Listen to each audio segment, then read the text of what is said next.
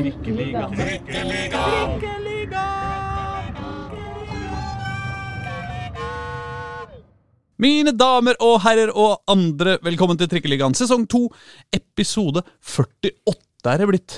Fantastisk. Det tyder på at eh, det er nesten så vi hadde greid 52 vet du, på et år, Reidar Solli.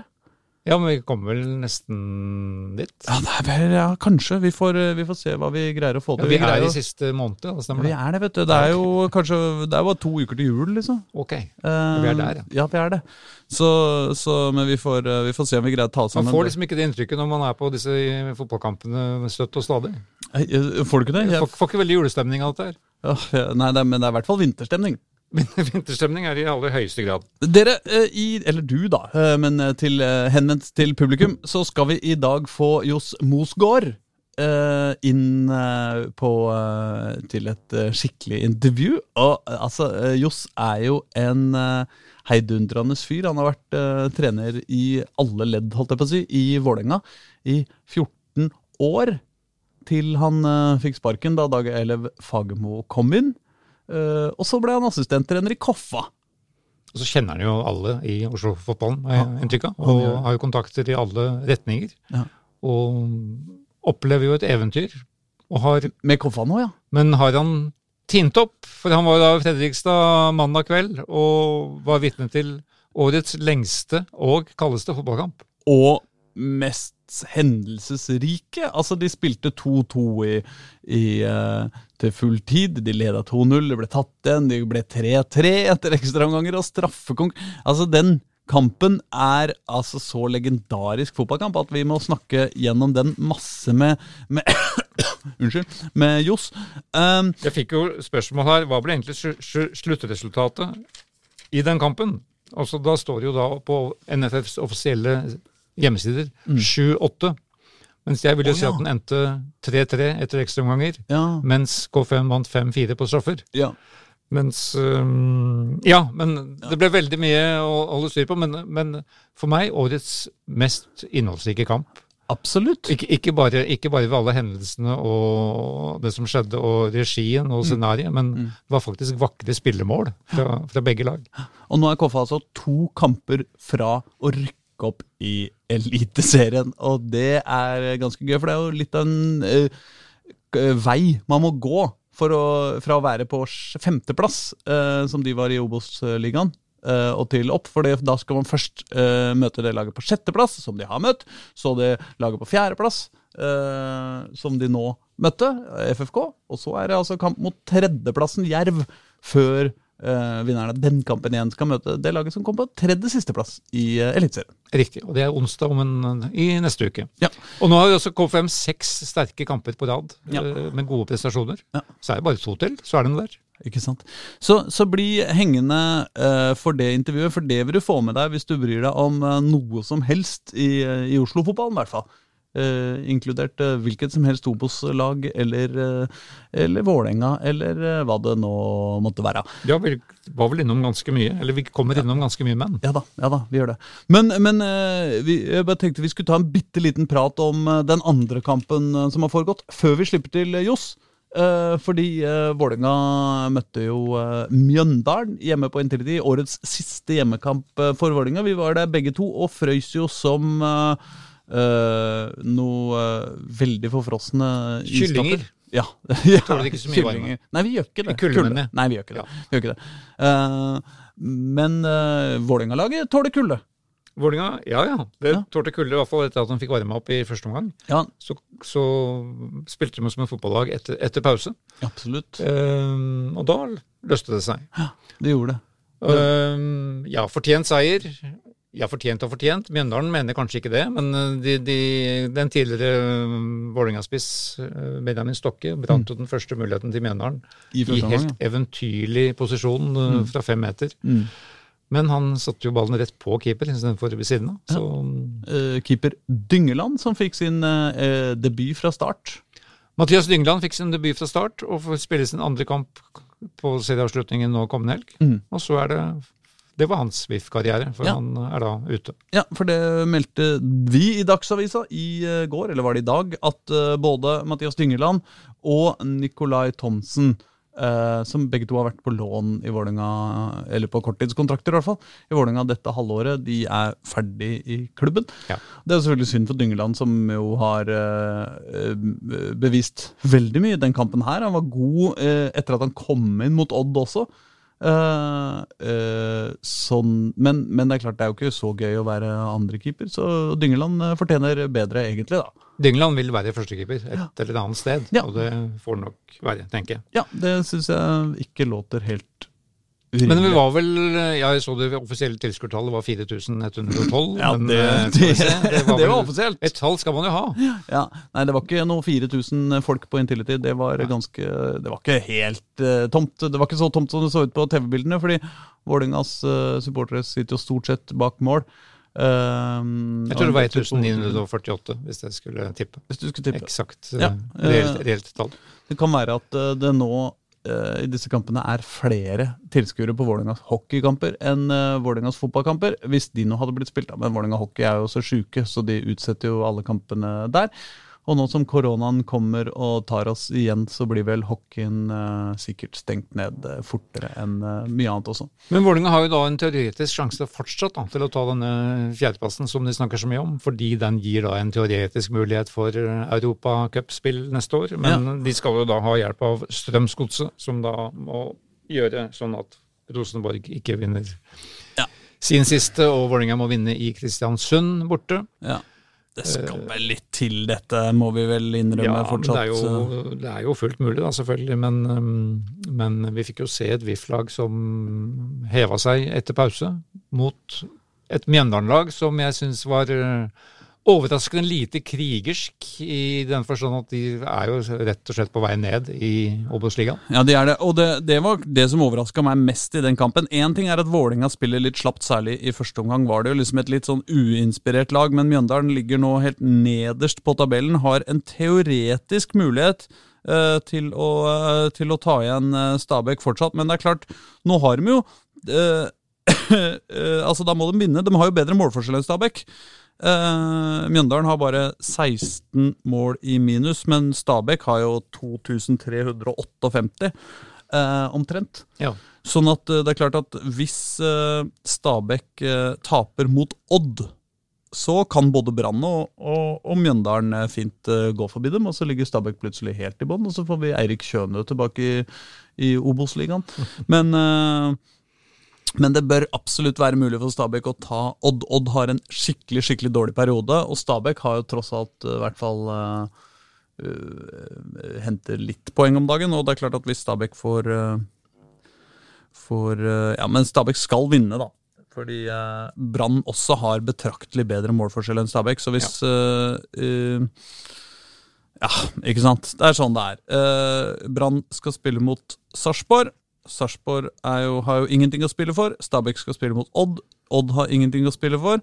Og Mjøndalen skal spille mot Bodø-Glimt, og de har jo et seriegull å, å spille for. Så det Det er jo vel noe. Det er jo noe. ja, Men altså, Mjøndalen eh, eh, er jo vant til å ligge nedi i sumpa der. De er jo vant til å krige og krige og krige de siste kampene og redde seg med en hårsbredd. Det er jo Men- klubben med ni liv, Ja. det, det er vi enige om, men, men de ligger altså på 22 poeng. Det er jo egentlig naturstridig at de skal ha muligheten til, helt til å overleve, men det har de jo da faktisk. Men et lag som kriger såpass lite som Mjøndalen gjorde på søndag, eh, det, da, virker jo, da virker det jo ganske kjørt. Syns du ikke da? Jeg syns det, men de hadde jo sjansen til å skåre, men det gjorde de ikke. Men det gjorde da Vålerenga med Fredrik Goldup Jensen, som ikke Ja. skårer så veldig ofte på dette A-laget. Men dette var vel hans andre skåring på, På, på tre kamper? Ja, noe Så sånt. hadde han ikke til og med en assist eller et eller annet sånt uh, borte mot Odd, da? Jo da, Så han er jo den store poengplukkeren er den i slutten av sesongen, og det er jo veldig gøy, da. Ja, og så var det jo da hyggelig at Henrik Udal kom inn og mm. skåra vel på sin fjerde sjanse, tenker jeg. Eh, veldig dedikert spiss, og jeg snakka litt med Fagermo etter kampen om det, om uh, den avveiningen mellom bruken av Sidi Jatta som spiss og Henrik Udal. Og da Ja, det var jo det vi har hørt før, om at han, han eh, de jobber hardere og er veldig viktig i presspillet til, til Vålerenga. Ja. Mens Henrik Udal er en mer dedikert avslutter når de kommer innafor 16-meteren. Mm. Og det var det han viste da, denne gangen. Det er nesten som man skulle ønske at Vålerenga spilte 4-4-2. vet du. Ja. Eh, Bare fordi de to i boksen tror jeg hadde vært veldig veldig fine å ha sammen. Altså, Sidiata har jo så mye muskler og løpskraft og bruker skuldra og, og sånn, og det, og det viser han eh, hele tida. Eh, men også jo helt så, altså det, er jo, det er jo som man mistenker at han veit på forhånd at han skal av i pausen. Fordi han løper altså så mye og presser hver eneste gang eh, Mjøndalen har ballen i, i, forsvars, eh, i forsvarsfireren. Så kommer Siddi løpende og plager dem. Og det ble overhodet ingenting ut av det. Han greide ikke å bryte en eneste ball, eller noe sånt, men, men likevel, det, det må jo være slitsomt å spille mot.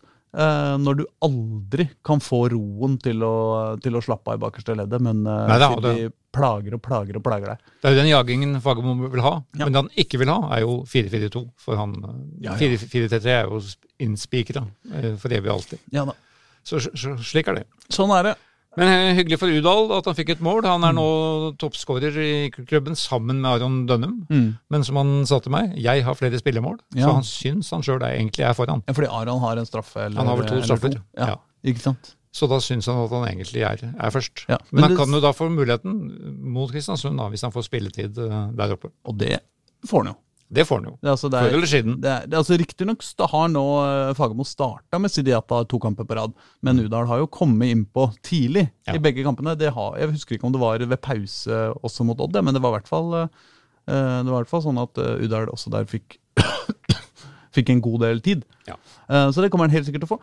Eh, Men det sier jo eh, det toppskårerlista til Vålerenga sier jo på en måte tre ting. Det sier at Aron Dønnum var innmari god og skåra mye mål i starten av sesongen, den lille tida han fikk.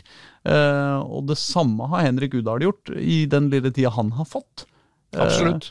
Men det er jo samtidig helt åpenbart at Vålerenga mangler en, en toppskårer om dagen. Da. Toppskåreren i Vålerenga skal ikke ende på seks mål. Altså, Nei. Det, men det er jo, det er jo derfor de ligger der de ligger. Og den dyreste spilleren i, i, i Vålerenga sikkert, som uh, har kommet inn og skal uh, redde klubben, og alle veit at er en uh, mann som har eh, 25 mål inne, skal jo helst ikke skåre tre-fire mål, eller hvor mye Kjartansson har greid å sette i år. Nei da, men nå har jo han da vært så mye skada, og de er helt sikre på at han kommer tilbake i top shape neste år. Ja. Eh, da får vi stole på det, men da, da blir jo han en forsterkning da, inn, inn i dette laget. Ja. Men det trenger de jo. Men de skal jo forsterke på, på mange vis, har jeg skjønt. For dem, det, er, det koker jo litt rundt den spillergruppa til, til Vålerenga nå. Ja da, og Med Vålerenga 2022-laget, det har vi jo god, grunn, eh, god tid til å komme tilbake til når sesongen skikkelig er ferdig. Eh, Det er riktig. Mm. Men jeg syns vi skal bare nevne også, for, for det første, eh, 50-metersløpet til Henrik Udal ti minutter etter kampen var over.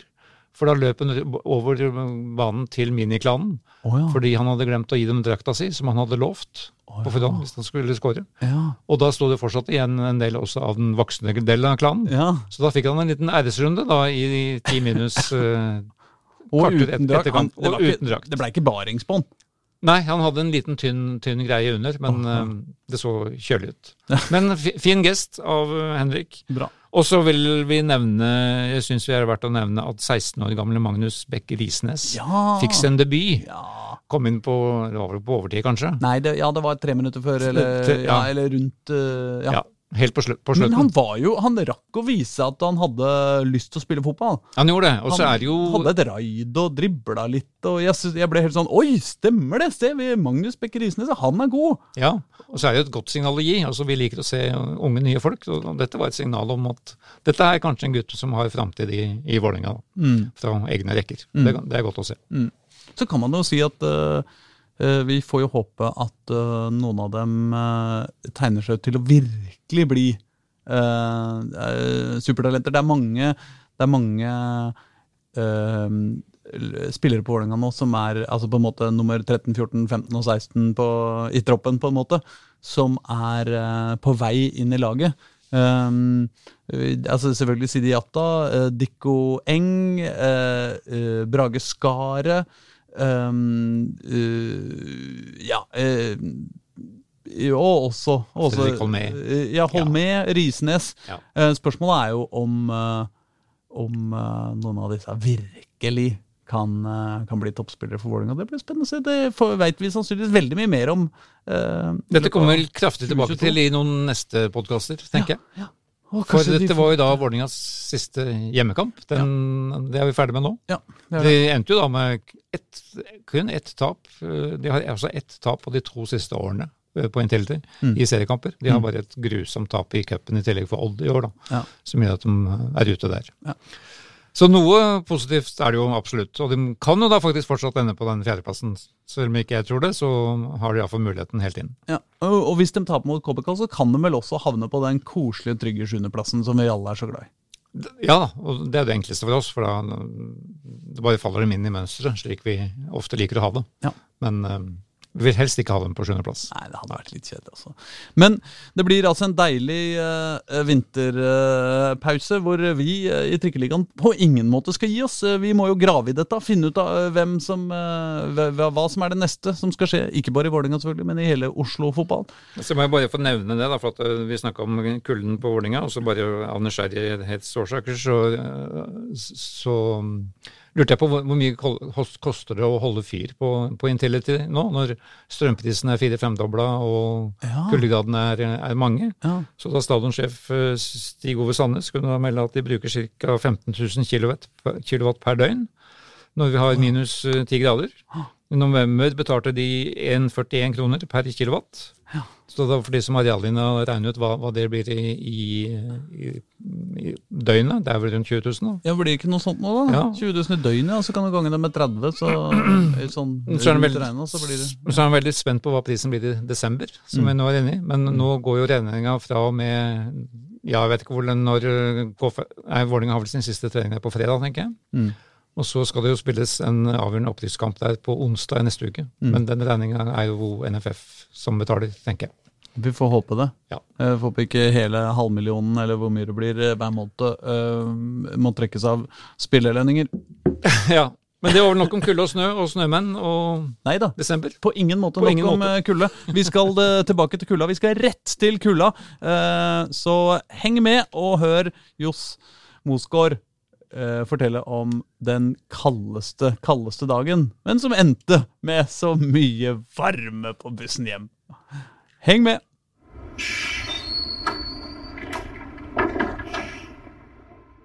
Johannes Mosgaard, Johs blant venner. Stemmer bra, det. Jeg lurer på om det var godt varmeapparat i bussen hjem fra Fredrikstad i går kveld? Eh, Det var, eh, det var det vel personene som sto for der inne. Det var en, eh, en, en meget heit gjeng som satte seg inn i, i bussen. Det var det. Ja, det var det, ja. Ja, absolutt. Det, var en, eh, det ble en forrykende aften for oss som er, var koffa, på Koffa-sida i går, i hvert fall. Det, altså, jeg, jeg så et bilde på Twitter av hun eh, Det var hun Caroline Simonsen fra Eurosport som posta det, av Marius Arm som bokstavelig talt heller solbærtoddy over føttene sine eh, mellom første og andre ekstraomgang. Ja, altså det var eh, Det er jo tøft nok å holde de som innbytter å holde seg god og varm på tæra når du varmer opp. Og så gikk det litt lengre tid enn antatt han kom innpå, så han var iskald før han eh, skulle inn. Så imellom de første og andre ekstraomgang så kjørte han altså resten av, solbærtoddyen over skoa for å få liv i tæra. Altså, det er så fælt å tenke på det. Det er, altså, det er jo Nansen og Johansen og, og uh, Avfro... Altså, gikk det bra med dere? Ja, altså det gikk jo veldig greit, vil jeg påstå. Altså Han er jo, han kjørte jo Supermann-trøya etter han satte straffa, han. ja, Ja, han er, ikke noe, han er en harding oppe fra, fra Dala, oppe i, oppe i skogen og Raufoss. Han satte den kanskje beste straffa òg. Ja, han er, men han eh, var god, så vi hadde han som et, eh, som et kort på, på straffa om vi skulle komme dit. Det er kanskje ikke noen langsiktig løsning å bruke solbærtoddy på, på tær i ti minus? Nei, jeg vil jo ikke anbefale det. Eh, Jeg tror litt av utfordringa var at han gjorde det før Altså han helte litt på kaffe, tror jeg, eller et eller annet sånt før han skulle inn første gang òg. Så det er klart, Ja, okay. tæra frøys jo i første runden, så han var jo nødt til å bare fortsette på samme kjøret. Så det var, ja, det var vanvittig å se på, men han, eh, han sto i det og var hard nok til å gå fram og ta straffa. Han kjente ikke tæra da heller, tror jeg. Nei, nei, nei, nei, Sånn sett er det kanskje greit. Da, at bare, det, det er ikke noe kontakt med tærne likevel. Kanskje det er lettere å skyte straffe da? når du... Ja, det var ikke noe, det var ikke noe Jeg tror Når du først så den veggen med Fredrikstad-supportere bak eh, målet der, så tror jeg de gutta tenkte egentlig på alt annet enn den kalde tær. Men, altså, men jeg mener det liksom altså, vi var, Både jeg og Reidar var på søndag på Intility og satt og frøys i to timer der. Eh, Men det var jo bare eh, ikke sant, eller 90 minutter, da. Eh, og, og vi hadde jo forberedt oss så grundig, og jeg hadde strøm i eh, innleggssåler og uh, ikke sant, varme greier inni votter og dem, altså, dem, hvordan, hvordan gjør man det helt sånn konkret? Hvordan forbereder man seg på å være å sitte, ja, For eksempel å sitte på benken da, i 90 minutter for å så skulle ut og prestere i sånne forhold. Altså, David kom vel inn i, i ekstraomgangene, gjør det ikke det? Jo, det stemmer det. Han kom inn liksom mot slutten av andre ekstraomgang. Han har vært, har vært gjest der før i år, og jeg har fortalt om hvor, hvor ille han har det når været er dårlig og det blåser litt. Og, og, ja, altså, hva, hva gjør man praktisk? Ja, altså pra Rent praktisk så har vi jo endra litt på skotøyet til gutta, sånn, eh, så lenge vi kan, ut i oppvarmingene. Eh, nei, ut i omgangene. Sånn at eh, da kjører gutta med Jeg tror Marius Arm hadde Uggs jeg på beina og jogga på sida. Så gutta kjørte det, og ullsokker og full pakke. Og, men eh, klart jo lenger vi kom slutten, jo klarere må vi ha dem. Så da må du over i fotballskoa dine. Mm. Så det var i, da var det is på tæra før det var gått eh, sekunder på begge de. Så jeg var imponert over Tava som var framme og satte straffa iskaldt, han òg. For det, Ja, det, det koster sin mann, det der, altså. Ja. Det gjør Men det. det, vi må nesten tilbake La oss si vi spoler to timer tilbake i tid, da. Eh, For vi må snakke oss gjennom dette underverket av en fotballkamp eh, som dere var med på i, i går kveld når vi spiller inn dette. da. Nå er det tirsdag, så, så det, det var mandag, mandag kveld. Eh, Koffa, som du er eh, assistenttrener hos, eh, spiller bortekamp mot Fredrikstad. Det er andre kamp i kampen om å få spille kvalik til Eliteserien. Åssen eh, Kan du fortelle oss gjennom den kampen? Eh, Ja, jeg kan jo det. Eh, Jeg sitter jo og kjenner på det og har gjenopplevd mye av følelsene gjennom eh, natta, egentlig. Det var vanskelig å finne ro etter det, men det starter jo egentlig med det vi mener er en godt forberedt kampplan. Og vi drar dit med ganske en god del selvtillit. Eh, Så vi kommer egentlig veldig godt i gang. Får god kontroll på kampen og er effektive, og vi får jo 2-0. Eh, og har, eh, føler vi går til pause med god kontroll, men vi veit at eh, disse kampene kommer til å leve helt inn. Og Fredrikstad har litt trøkk, og skulle de få et mål, så visste vi at eh, publikum også kom til å henge seg på. Så da, er, det- da klarer vi å, å kløne det litt grann til eh, i bakre rekke, så de får den 2-1-skåringa litt, eh, litt vel tidlig. Eh, og da havner vi ordentlig bakpå, egentlig. Vi klarer ikke å få ordentlig skoa fram igjen. Eh, litt halvspente, det ser litt anstrengt ut. Eh, får ikke helt ro på kampbilder i hele tatt. Og da blir det til slutt sånn at eh, Fredrikstad får eh, 2-2 da, i 88. minuttet. Eh, og da er, får jo vi på sida litt også den knekken. Det er jo alle trenere alle supportere og alle tilhengere kjenner jo på den. Å få noe imot så seint, og liksom du er nesten hjemme. Eh, så da skal man liksom hive seg på da, og skru på bryteren igjen. Mm. Åssen gjør dere da i, i eh, den bitte lille pausa før uh, første ekstraomgang? Uh, Det er veldig lite. Det er egentlig bare å få samla gutta i en sirkel, uh, få sett dem i øya og, si, og gi de enkle, rolige beskjedene at vi gjør sånn, sånn, sånn. Eh, Det prøver vi å forholde oss til nå, gjøre ting litt enkelt. Og så får vi prøve oss å eh, bare stå løpet best, egentlig. Bare, det handler egentlig bare om å si forsterkende ord til den enkelte. Klappe litt, uh, gi litt varme, få inn noe solbærtoddy. Det, var det, vi- det var det vi gjorde. Men det er, det er liksom oppmuntring, eh, eller er det strategi? Det er et lite snev av strategi. Det kommer noen velvalgte ord fra, fra Jørgen eh, i måten vi forsvarte oss på, og høyden vi forsvarte oss i. Så det handla om å få å tetta litt på laget, sånn at ikke vi For det var store perioder av andre omgang som vi slo ganske store sprekker av og til. Så det var egentlig om å få tetta de lite hakk ned, litt lavere, litt tettere, og så se om vi klarer å få ridd av den stormen. Og da også sette inn av Marius Alm med litt mer eh, fysikk i laget, for det ble jo slått en del baller inn i boksen. Um, uh, hvor vi sto brukbart godt, i hvert fall. Helt til 112. da, minutt. Men, men er det sånn at du, at du uh Uh, Jeg regner med at du har liksom litt mer ansvar for, uh, for enkeltspillere, mens eh, Jørgen har mer liksom det totale. Er, er det sånn at du tenker Ok, er, hmm, er det noen her jeg nå trenger å være litt ekstra obs på? Trenger å gi litt ekstra fordi du føler at det står på dem, liksom? Det er nok helt riktig. Eh, vi prater jo om det overordna bildet hele kampen gjennom, jeg og Jørgen og, og Daniel og Anders som er i trenerteamet, om det som skal gjøres og sånn. Og så formidles det av Jørgen, eh, for det, er, det må være én stemme på det. Eh, og så er min jobb å og se litt ekstra på hvem som trenger det lille ekstra klappet på ryggen, det å bli sett, det å bare få noen enkle, konstruktive beskjeder på hva du skal gjøre. Sånn at du kanskje skuldra slipper litt. For det, mange av gutta våre har ikke vært med på denne type kamper før, med et sånn type trøkk og et sånn type ja, hva skal vi si, det er, det er ikke et press, men det er en gitt spenning der, da. Eh, som ikke alle har vært med på før. Så det handler egentlig bare om å, å se det med øya og si at eh, det går bra. Det er ålreit å være her, og det er gøy å få være med. Og så nå gjør vi litt sånn, og så står det bare til, egentlig. Traff du da på vurderingene? Ja, hvem, det eh, var du trodde tenkte at ja, tenkte? Var du framme og, og Hvem var det som satte det siste målet der, da? Ja, Nå skal vi ikke hoppe altfor langt fram i, fram i tid. da. Ja, for, la oss gå til ekstraomgangene, Ja, forresten. da. det kan vi gjøre. Um, dere får en eh, Ikke eh, dere får et mål mot der òg. Da er det, jo, er det jo helt umulig å se for seg at dere skal reise dere. Altså Dere har leda 2-0, og så får dere tre i sekken på rad, og vi er liksom godt ute i ekstraomgangene. Ja, det var, eh, da er det jo litt Jeg kjenner jo på både på oss på sida, og jeg ser også på huet til gutta at det, det blikket det går jo nedover. Eh, Det har vært en anstrengelse hele veien dit. Vi er slitne. Eh, Fredrikstad har jo bytta vel seks mann og bytta tre midtbanespillere til pause. Det er ganske et eh, Det er ganske, det er ganske spesielt. Ja, det er veldig spesielt. Bytte hele sentrale midtbanen. Det gjorde det.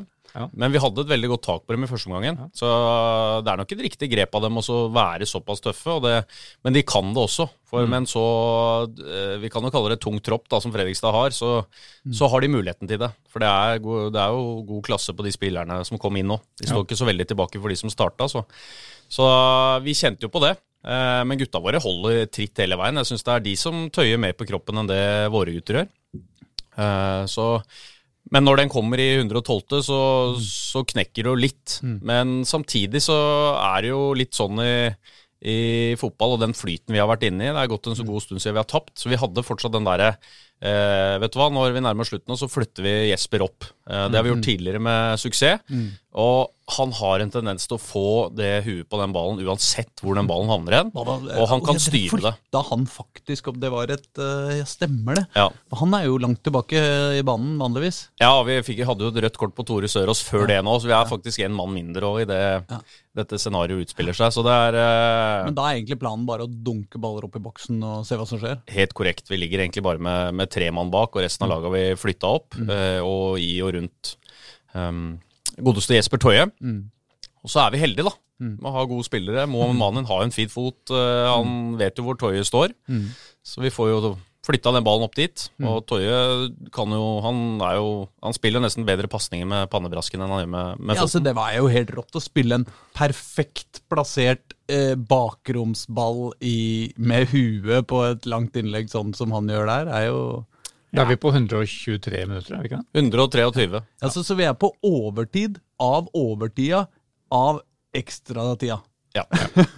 Det, det, er, det er godt oppsummert. Det er helt dust. Ja, men vi tror, av og til du tror jo ikke det er sant. Eh, og noen sånne manus er jo bare skre, altså skrevet for eh, de villeste øyeblikk, og dette var jo et av dem. Det er jo få forunt å få være med på, så Men Billal Bilal har vært eh, god. Eh, og du tenker liksom at Toye og Bilal eh, er de to som kan være matchavgjørende i sånne settinger, Eh, og det blei de. Eh, og det er, det er ingen jeg unner det mer enn en Bilal. Det, det er det ikke. Ja, Åtte av ti hadde vel satt den over, tenker jeg. Det er nok eh, ganske riktig. Det er ikke, den er ikke ferdig scora heller. Den må over keeperen uh, med, Ja, med ja. den farta som det gjøres. Men da får dere momentum igjen, da, for det er jo FFK som får en fryktelig nedtur når, når den Ja, det, hendelsen kommer. det er jo bare at de får den vi fikk rett før eh, Ja. i det 88. minutt, så får jo de akkurat den igjen, hvor noe er ferdig og klappa og klart. Og da er det rett og slett vi som egentlig bare Ja, da er vi heldige som har fått en ny mulighet til å ta kampen. Og Fredrikstad føler jo at eh, ikke sant, nå har røykt, og nå er det press på dem igjen, og må begynne å grave litt igjen. Um, og så har vi jo tenkt litt på disse straffene, da. Ja, ja, men, ja for det, som, som Per Erik Bond, vår mann, skrev det, dere har jo nesten ikke fått straffer i hele år i seriespillet. Det er bare to, tror jeg. En i cupen En i mot cupen, eh, ja. Kristiansund har vi fått. Og så bomma Laji nå i eh, kvaliken mot uh, Sogndal. Riktig? Det er det eneste. Vi har ikke fått én eneste i seriespillet i sesongen som Nei, har vært. Nei, Altså- så vi har ikke øvd. Det er dere og Rosenborg. Hæ? Det er dere og Rosenborg. Det er fort, det. Så setter dere, men så setter dere alle fem, da. Her. Ja, men det går på typer. Ja. Det, er, eh, det går på typer. Vi, vi har ledd litt på trening eh, den siste uken, og vi er liksom, nå må vi ta noen straffer. og Gutta er jo tøffe på trening, men det er liksom, det er én ting å være tøff på trening, eh, og en annen ting når det er, eh, er 1000 eh, Fredrikstad-supportere bak mål, og du må gå de velvalgte 60 metera fram da, for å legge ned ballen. For det var litt diskusjon med dommerne, var ikke det? Hvor, hvor det, hvilket mål som skulle brukes. Det er riktig, det. er riktig det. Det er vel trekning på det òg. Ja, Eller sånn eh, myntkast. Så det, vi røyker jo der. Ja. På den andre sida så er vi jo enige om at eh, her, altså, FFK er jo redd for sine egne supportere. Eh, så så, så det, det, det ville være en fordel dere å, å være i nærheten av dem. Ja, det, jeg tror det er plusser og minuser ved det. Altså, Hvis jeg hadde vært Fredrikstad-spiller og gått fram, så kjenner du på at det er, eh, det er et enda større forventningspress i forhold til å sette noe. Du ser jo alle, alle de forventningsfulle som står bak målet og bare venter på deg. Mens uh, Koffa-gutta hadde, hadde jo ikke den. Eh, det hadde ikke. Men Da skjønte at Jørgen hadde, eller dere hadde plukka ut av de fem straffeskytterne. Og så skulle de sjøl bestemme hvem som i rekkefølgen. Dette er jo dette, Her må jeg skryte litt av Anders Libekk. For Ja. det, det er Libekk som har, har litt dødballansvar hos oss. Okay. Eh, og Libekk var da framme med Vi jobba sånn Vi sparra litt utover ekstraomgangene. Eh, men det har vi klart. Når eh, Isene sier at nå må, nå må dere på jobb, gutta. Da er det klart. Og da Libekk hadde en liste. Så han satte da bare én, to, tre, fire Det her må dere ut og levere. Ja. Så, men vi hadde hatt øyekontakt med gutta, så vi visste jo eh, I hvert fall en som hadde, hadde lyst og var Ja, ja. klare for oppgaven. For jeg skjønte at uh, Nunes, som da satt den siste, og Bilal hadde en kommunikasjon om hvem som skulle ta den aller siste. Det er riktig. Og det blei Nunes. Det ble riktig. Eh, Ville de, eller ville de slippe? Jeg tror jeg, Det er et go- godt spørsmål. De, er jo, de har jo en helt nydelig mentalitet, de Holmlia-gutta. Så jeg vet, jeg vet faktisk ikke hva som var det beste. Å være fire eller fem for de der. Ja, Nunes sa i hvert fall Ja. til oss at han, han tok gjerne den siste. Ja. Og han var helt bokstavelig talt iskald, så det var helt, helt greit. Og han var jo da koronasmitta for et Ja. par uker siden. Det er riktig. En uh, brukbar opptur. Så hører jo med, for, det, for de som ikke har fått med seg hvordan, eh, hva kampen er, så er det altså da For F FFK skyter den aller første straffa, og det er jo da også tidligere KFUM-spiller Øby som, eh, som går opp og skal ta den. Ja, det er jo det er jo litt sånn eh, fotballen er, da. Den spiller deg noen tøffe puss av og til. og det er Øby var førstemann ut, og kjente sikkert ekstra på situasjonen. Ja. Uh, og det å skulle gjøre det og i det hele tatt liksom mot gamle lagkamerater og Ja, han er, har jo mye energi eh, og er en, en, en sånn spiller. Så det er klart, eh, han så vel for seg et helt annet utfall enn det det, det, det ble. For det, det ble jo avgjørende. Det gjorde Som- det. Ja, Som vår- var som Ja. og rett til været. Som vår podkastkamerat Håkon spådde på forhånd. Ja, ja, ja. Han, han mente at eh, Øby var bankers til å avgjøre kampen. I Ja. den ene eller den andre retninga. Ja, og det gjorde han definitivt med straffa. Men det er klart, det, det er jo Man unner jo ingen å måtte være den, eh, den store taperen, hvis man kan si det. Og det men det, det ble Øby denne gangen. Men han, han tåler det og, og klaprer på. Så var det vel greit for dere kanskje at din gamle elev eh, Henrik Kjelsrud Johansen ikke holder i 120 minutter, så han måtte av før de ekstraomgangene, Og ikke Ja. fikk tatt straffer. Ja, det er veldig greit. Jeg er jo eh, godt kjent med Henrik fra tida i Vålinga. Eh, han er en, eh, en topp, toppmann og toppspiller, så det er klart uh, han hadde vel helst sett at han var framme og skulle sette de straffene, han. Det er ikke noe å lure på. Men da, da må du holde 120, da, i det tilfellet her. Ja. Ja, Det er den mest innholdsrike kampen jeg har sett i år. Altså Uansett liga noe sted i verden. Det, oppsummerer alt det som skjedde der. Altså Vår mann gikk jo nesten i spinn for han skulle prøve å skille dette her. Og når alt da snur og vender i, i, i sluttminuttene, fokuset blir helt vidt forskjellig. Og Så hadde jo Tor røde kort i tillegg, og Fredrikstad hadde vel to skudd i tverrliggeren. Ja, det er eh, Du kan liksom Det var eh, Jeg så jeg hadde fått diverse meldinger på Twitter og alt dette her, og det er flaks, og det er det ene og det andre, men eh, jeg tror liksom alt i alt så er det ikke flaks. Det her er, det er eh, opp- og nedturer innad i kampen, og du må, må tåle å ha perioder hvor du ikke er god, og hvor du har litt trykk på deg, og du må overleve de, og det gjorde vi. Og da er tverrligger ut og stang ut, det er en del av det. Ja. Og så er det en del av å være litt i den, i den dytten vi er i om dagen. Og da får du ofte med deg det, men det er ofte fordi du har jobba såpass hardt og, og gjort deg litt fortjent til det mm. mener jeg, da. Ja, For det er sjette matchen deres eh, uten tap. Det er nok helt Fem- riktig. Fem seier, en, eh, en uavgjort. Etter veldig dårlig periode med fire strake tap. Så veldig pussig hvordan dette her er snudd. Altså. For etter, når dere tapte det var 0-3 for Åsane, da tenkte jeg at dette her eh, Nå rakner dette her, så det ut som. Da var det liksom veldig dypt. Og så sitter vi her nå. Hvor er vi igjen? Vi er midt i desember snart, er vi det? Ja, Vi er vel i sånn åttende-niende eller noe sånt, er vi ikke det? Ja, det er to kamper unna Eliteserien. Altså, Sjuende er vi faktisk. Ja, okay. det, er bare, det, er, bare tre episoder av julekalenderen jeg har missa så langt. Ja. Nei, men jeg eh, bare eh, Var det noe som skjedde på tribunen? Jeg syns det var eh, flere av, av spillere til Koffa som liksom gestikulerte litt og virka litt forbanna på et eller annet fra FFK-tribunen. Tror bare det er en sånn vanlig fotballdynamikk. De er jo bak der og prøver å, å kaste det man kan av, av dårlige ord og ikke sant? prøve å få gutta ut av fatning. Eh, men liksom det er dette er de, I hvert fall de Holmlia-gutta og, og Manin er jo fra Løkka. Og, ikke sant? Dette, er, dette er gutter som har vært tøffe med hverandre hele oppveksten og gitt tilbakemeldinger overalt. Så gutta egentlig koser seg nesten mer med å havne i et sånt klima hvor det er litt uh, Ja. fram og tilbake og sånne ting. Det gjør egentlig at bare de skrur på den eh, vinnerbiten sin enda mer, tror jeg. Så ja, FFK-trener Bjørn Johansen fikk vel også gult kort underveis der? Vet Ja. hva det kom? Nei, det, jeg vet ikke. Det var, eh, jeg hadde, på et tidspunkt mer enn nok med å holde fatninga sjøl og på, på egne gutter og straffer skulle forberede Altså, det var en eh, det, var, det er hektisk. Ja, det var nok å gjøre. Helt, helt klart. Nei, det, det, var, det, var litt en, det var litt av en dag. Så blir det jerv da, på Levermyra på søndag. Det er, Ja. ikke, det er vel ikke helt sikkert at det blir der, men øh, vi får se. Spennende å se. Ja. Eh, det også blir jo en ny utfordring. Eh, jeg ser jo på værmeldinga at det er meldt både snø og regn og i det hele tatt, så det er klart eh, det blir en helt annen kamp enn det vi har vært gjennom nå. Men mm. hver gang vi har vært på Levermyr, så har det vært dårlige forhold, så, og vi har gjort det ok. Så jeg tror vi skal være klar for det òg, om det blir det. Serieåpninga var jo der. 1-1 der nede i 15. mai, var det vel? Ja, det er helt riktig. Og da var det Og så slo dere dem nå 4-1 på Intility, nettopp. det også. Men det, men det er sånn, den kampen betyr jo ingenting i, i det bildet. Altså Når det kommer ned der, så er jo Dette blir en selvstendig kamp. for- Ja, de den lever måter. sitt eh, helt eget liv, det der. Eh, Det, er, eh, det vil være en nerve i kampen, for vi er nærme. Ja. Uh, vi er nærme, begge lag er nærme. Er kamp Og kjenner liksom på det. Og det, og det er klart, klart, å få den uh, eliteseriemotstanderen nå, det er eh, Ja, det er spesielt. Og det er nesten litt utenkelig når man sitter eh, på Koffa-sida, men eh, det er der vi er nå. Det er så, så gode både gutta og, og vi er blitt. Ja, jeg måtte se på det her når når jeg tenker på hva dere Altså når vi vurderte Koffa før sesongen. Altså Da regna jeg med Stian Sortevik, Daniel Fredheim Holm, David Avokoli selvfølgelig, Jørgen Hammer, Robin Rask. Knut Skjærstein var førstekeeper. Slik så verden ut da. Liksom. Dette, dette var liksom kjernen i laget. Ja. Men da, ja, det var vel ingen som starta nå i går, selvfølgelig. David kom inn, og de andre er jo ute.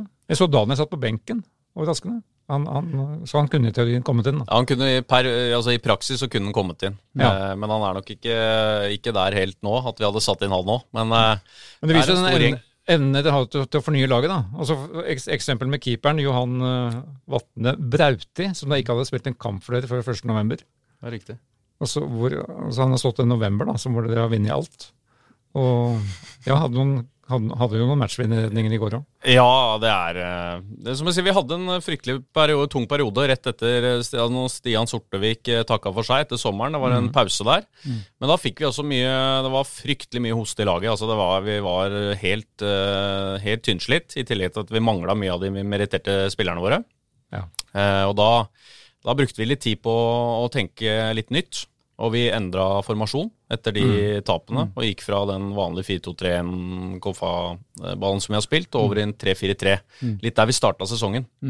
På grunn av de typene vi hadde tilgjengelig, egentlig. Ja, Ja. Så vi endra, la litt opp til det, og det fungerte veldig godt. Og jeg følte vi utvikla oss veldig godt til hver eneste kamp etter vi gjorde det. Ja. Det må være Altså, dere er jo eh, det, det fintspillende laget, liksom. Dere er kunstgresslag og dere er sånn. Og så skal dere til den derre eh, ligaens Altså, jeg mener den hete levermyra, liksom. Det, det, du skjønner at at det blir litt eh, Det er litt trått. Uh, Hvordan Altså Ja, det er, et, eh, det, er, altså, det er jo ikke noe å si på det. Altså, hvis det er fine forhold på Levermyr, så er det jo det er jo gøy å spille på en god gressbane. Mm. Eh, hvis det skal bli en, en matchbane hvor liksom det skal være med å påvirke tilfeldigheter osv., så, videre, så blir det tungt. Men jeg, Mm. jeg hører rykter om at de har god kontroll der nede eh, på banen. Og da tror vi på det. Men vi har, ikke no, vi har ikke noe problem der. Nesten For oss nå så har det ikke noe å si hvor vi skulle spilt, for den eh, vi, vi er klare for enhver oppgave, egentlig. Det er dit. Det er Jeg føler vi er nå. Ellevill flytsone, det nå. Ja, vi har eh, ja, vi, ja vi, det er ikke noe å se seg tilbake nå, egentlig, for noen av oss, eh, uansett hvordan det er. Alt er, det er bonusmatcher hele veien. Det er, ikke noe, det er ikke noe grunn til å spare på kreftene heller. Det gjør vi definitivt ikke. Og jeg kan jo uh, love deg at hvis dere skulle uh, Hvis det skulle bli kvalikkamp mot, la oss si, Brann, da vil dere i hvert fall for første gang eh, kanskje ha hele Oslo i ryggen. når, når dere, hvis dere spiller på Intility mot Brann. Eh, Ja, det er, det hadde vært et artig, artig oppgjør. Ja, det er noen vanvittige scenarioer å, å se for seg, og man, man kan jo tenke det. Det er en kamp i, imellom, og det er ikke noe å si det. Og vi, da er vi tilbake på Intility, og vi er eh, veldig glad i å spille kamper der. Det trives vi veldig godt med. Så eh, det er ikke noen fordel om, for de laga som kommer fra Eliteserien og skulle møte oss der, tror jeg, hvis vi kommer oss dit. Det er jo kanskje da, da litt langt, men det blir jo antagelig Intility neste år, da, hvis de skal rykke opp faktisk til Eliteserien. Jeg kan ikke se noe annet sted de kan, kan spille ja, neste år enn der. Nei, det er et godt spørsmål. Altså, det er, jeg vet ikke. Jeg tror det er ingen som tør å tenke tanken, men snart må den jo begynne å rulle eh, hos enkelte. For, eh, det er jo to ganger 90 pluss noen ekstraomganger eventuelt og sånne ting eh, som er igjen Ja. på programmet. Og da er det en realitet at dette kan faktisk være scenario. Nei, det hadde vært artig. Jeg lurer på om vi skal snakke litt om Vålerenga òg, ja? Det kan vi gjøre. For det syns jeg alltid er så koselig. Det er bare, bare Han er jo da på. Wiffermann nummer én her. Ja. Eh, Sånn er det bare. Ja, ja, sånn er det bare. Det, men, men jeg syns det er hyggelig når Koffa gjør det bra òg, altså. Ja, men det er Så Jeg er ikke strengere. Nei. Jeg er blitt litt rausere med åra, eh, må jeg innrømme. Dessuten har jeg spilt i Koffa i mange år. Eh, I, i ungdoms... i ung, barnefotballen, kan vi kanskje kalle det. Eh, det gikk ikke så bra. Um, men ikke sant, du har vært, du har vært i Vålerenga-apparatet i 14 år? 15? 14? Noe sånt? Det ble 14. Jeg ble vel Første gang jeg trådde inn døra på Valle, var vel i 2006. Ja, nettopp. Hvordan, mm. hvordan havna du der, egentlig? Jeg begynte på idrettshøyskolen. Mm. kom til Oslo og begynte på idrettshøyskolen og gikk inn på trenerstudiet der. Mm. og da hadde, gikk jeg der sammen med Alexander Olsen, som også var med meg i mange år i Vålerenga. Han er trener for Kolbotn damelag nå. Eh, og han kjente da uh, Glenn Rosta, som den gangen var i, i Vålerenga, eh, og Petter Myhre og disse gutta her. Og så var det en ledig jobb som gutte 14-trener. Ja. Og da fikk vi muligheten til å tre inn der. mm. og fikk den jobben. Og etter det så ble jeg bare værende, rett og For slett. da du, det, nå er du relativt ung. Eh, Eh, det, på den tida så er jeg vel 21-22. Ja, 22 vel? Ja. 22 år var jeg vel når jeg trådte inn for første gang. Ja. Så du var dedikert inn som at dette skulle bli en virke ganske tidlig? altså. På den tida pleier jo de fleste å kanskje være opptatt av en fotballkarriere som de har ambisjoner om. Det er helt riktig. Eh, Jeg skjønte vel at jeg eh, var vel aldri god nok til å løpe nok eller fort nok osv., men jeg er veldig glad i å brukbart dyktig på sparkeball. Men eh, det lille giret mangla jeg. Men hadde dedikasjon for både altså, faget, fotballen, lederskapet, alt av, av samhold og i det hele tatt. Så det, liksom, det, det dreiv meg veldig. Og det har det alltid gjort. Og da, så fort jeg fikk kjenne litt på det det første året i Vålerenga den gangen, så, så var det ikke noe vei tilbake, egentlig. Det, det Jeg pleier alltid å dele opp fotballtrenere i, eh, i tre kategorier. Det er eh, X-spilleren, selvfølgelig, og så er det, er det eh, pedagogen, og så er det akademikeren, eller liksom teoretikeren. da. Så du er ganske tydelig teoretiker, eh, team teoretiker, du, da. Ja, det er nok Jeg tror ikke folk som kjenner meg, ville sagt det. At jeg nødvendigvis er noen teoretiker. De ville nok mer satt meg i den eh, ja, pedagogiske, kanskje litt uh, Midt imellom, vil jeg tro.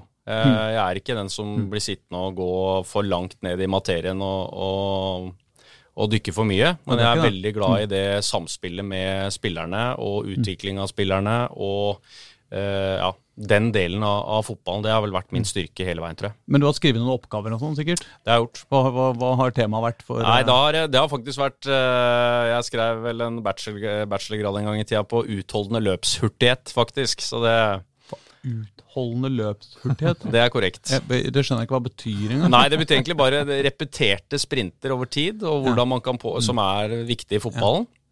Og hvordan da det kan trenes på, og hvordan eh, man kan da påvirke spillerne til å forbedre dette. Og det gjorde vi gjennom et forsøk da med folk fra Olympiatoppen osv. Det er kanskje det som har endra fotballen mest siste år, altså nettopp kravet til hurtighet. Og nettopp som du sier, mange spurter. Jeg er veldig glad for eh, det jeg valgte den gangen da. Ja. Jeg sitter jo og hadde med meg mye bra folk eh, fra Olympiatoppen som var med meg på det, eh, den oppgaven. Så var, eh, de var tidlig ute. De sa den gangen at det var lite forskning på det, så det var, et, det var et uh, solid valg. Jeg har hatt godt av det, nytt godt av det i ettertid. Hva er, uh, hva er svaret? Uh, hva tenker du på da? Nei, Hvordan trener man folk til å, til å, greie å sprinte mange ganger og det, orke den neste også? Det er et godt spørsmål. Det vi fikk, uh, det vi fikk gjorde, var egentlig at vi delte juniorgruppa til Vålinga i to. Mm. Så den ene trente bare vanlig fotballtrening, men én uh, av øktene i uka hver uke så tok vi ut en gruppe som trente spesifikk hurtighetstrening. Ja. Med trappeløp og gjentatte sprinter, og jobba med løpsteknikk med eksperter. Og så testa vi da både før og etter, og da viste det seg at den gruppa som har jobba med utholde hurtighet, de hadde for, forbedra tidene sine mer enn den gruppa som bare spilte fotball. Ja. Var det store utslag, eller? Eh, det var eh, nok til at det var i hvert fall eh, noe som er viktig å se på, og var vi viste seg å være viktig å se på ettertid. Ja. Men har du da har du liksom brukt det seinere? Liksom, er det sånn i Koffa nå, liksom? Eh, nei, vi tar ikke folk ut nå, det, men, man, eh, men, man, vet mye mer om det. Eh, og man gjør det på enkeltspillere. Mm. Det gjør man. Eh, opp ut ifra hvilke hvilke behov man har på ja. hver enkelt. De som er raskest og du vil at skal bli enda raskere, eller de som er treigest og som trenger å skjerpe seg? Det er nok de som eh, både trenger det, altså mm. rent for å øke hurtigheten litt, grann, mm. og få litt mer fart i, i beina. Mm. Og så er det alltid gunstig for de hurtigste, og det er jo ikke noe ulempe å bli enda hurtigere. Ja. Så på var Bilals var den første skåringa går, vel? Det var vel en ikke helt uvesentlig spurt han vant der, mot uh, eh, FFK-stopperen? Nei, Billa har et uh, vanvittig tempo i kroppen. Jeg har ikke mm. trent så mye hurtighet med han, for det, det ligger mye latent i de, de, genene. Men han er vanvittig hurtig. og Det, det var jo skåringa mot Sogndal òg, så løper ja. han med ballen aleine i, i 35-40 meter. Ja. Så det, han har det, han. Ja, for det, det, er også en ting når det gjelder spurter. En ting er å løpe uten ball, en annen ting er å løpe med den. Ja, ja det er en helt annen idrett. Det er stor forskjell. Det er uh, Erling Braut Haaland-trikset. Det er riktig. Men uh, det var jo til Vålinga vi skulle ja, være. Ja. Uh, Bilal var jo der også. Det var han.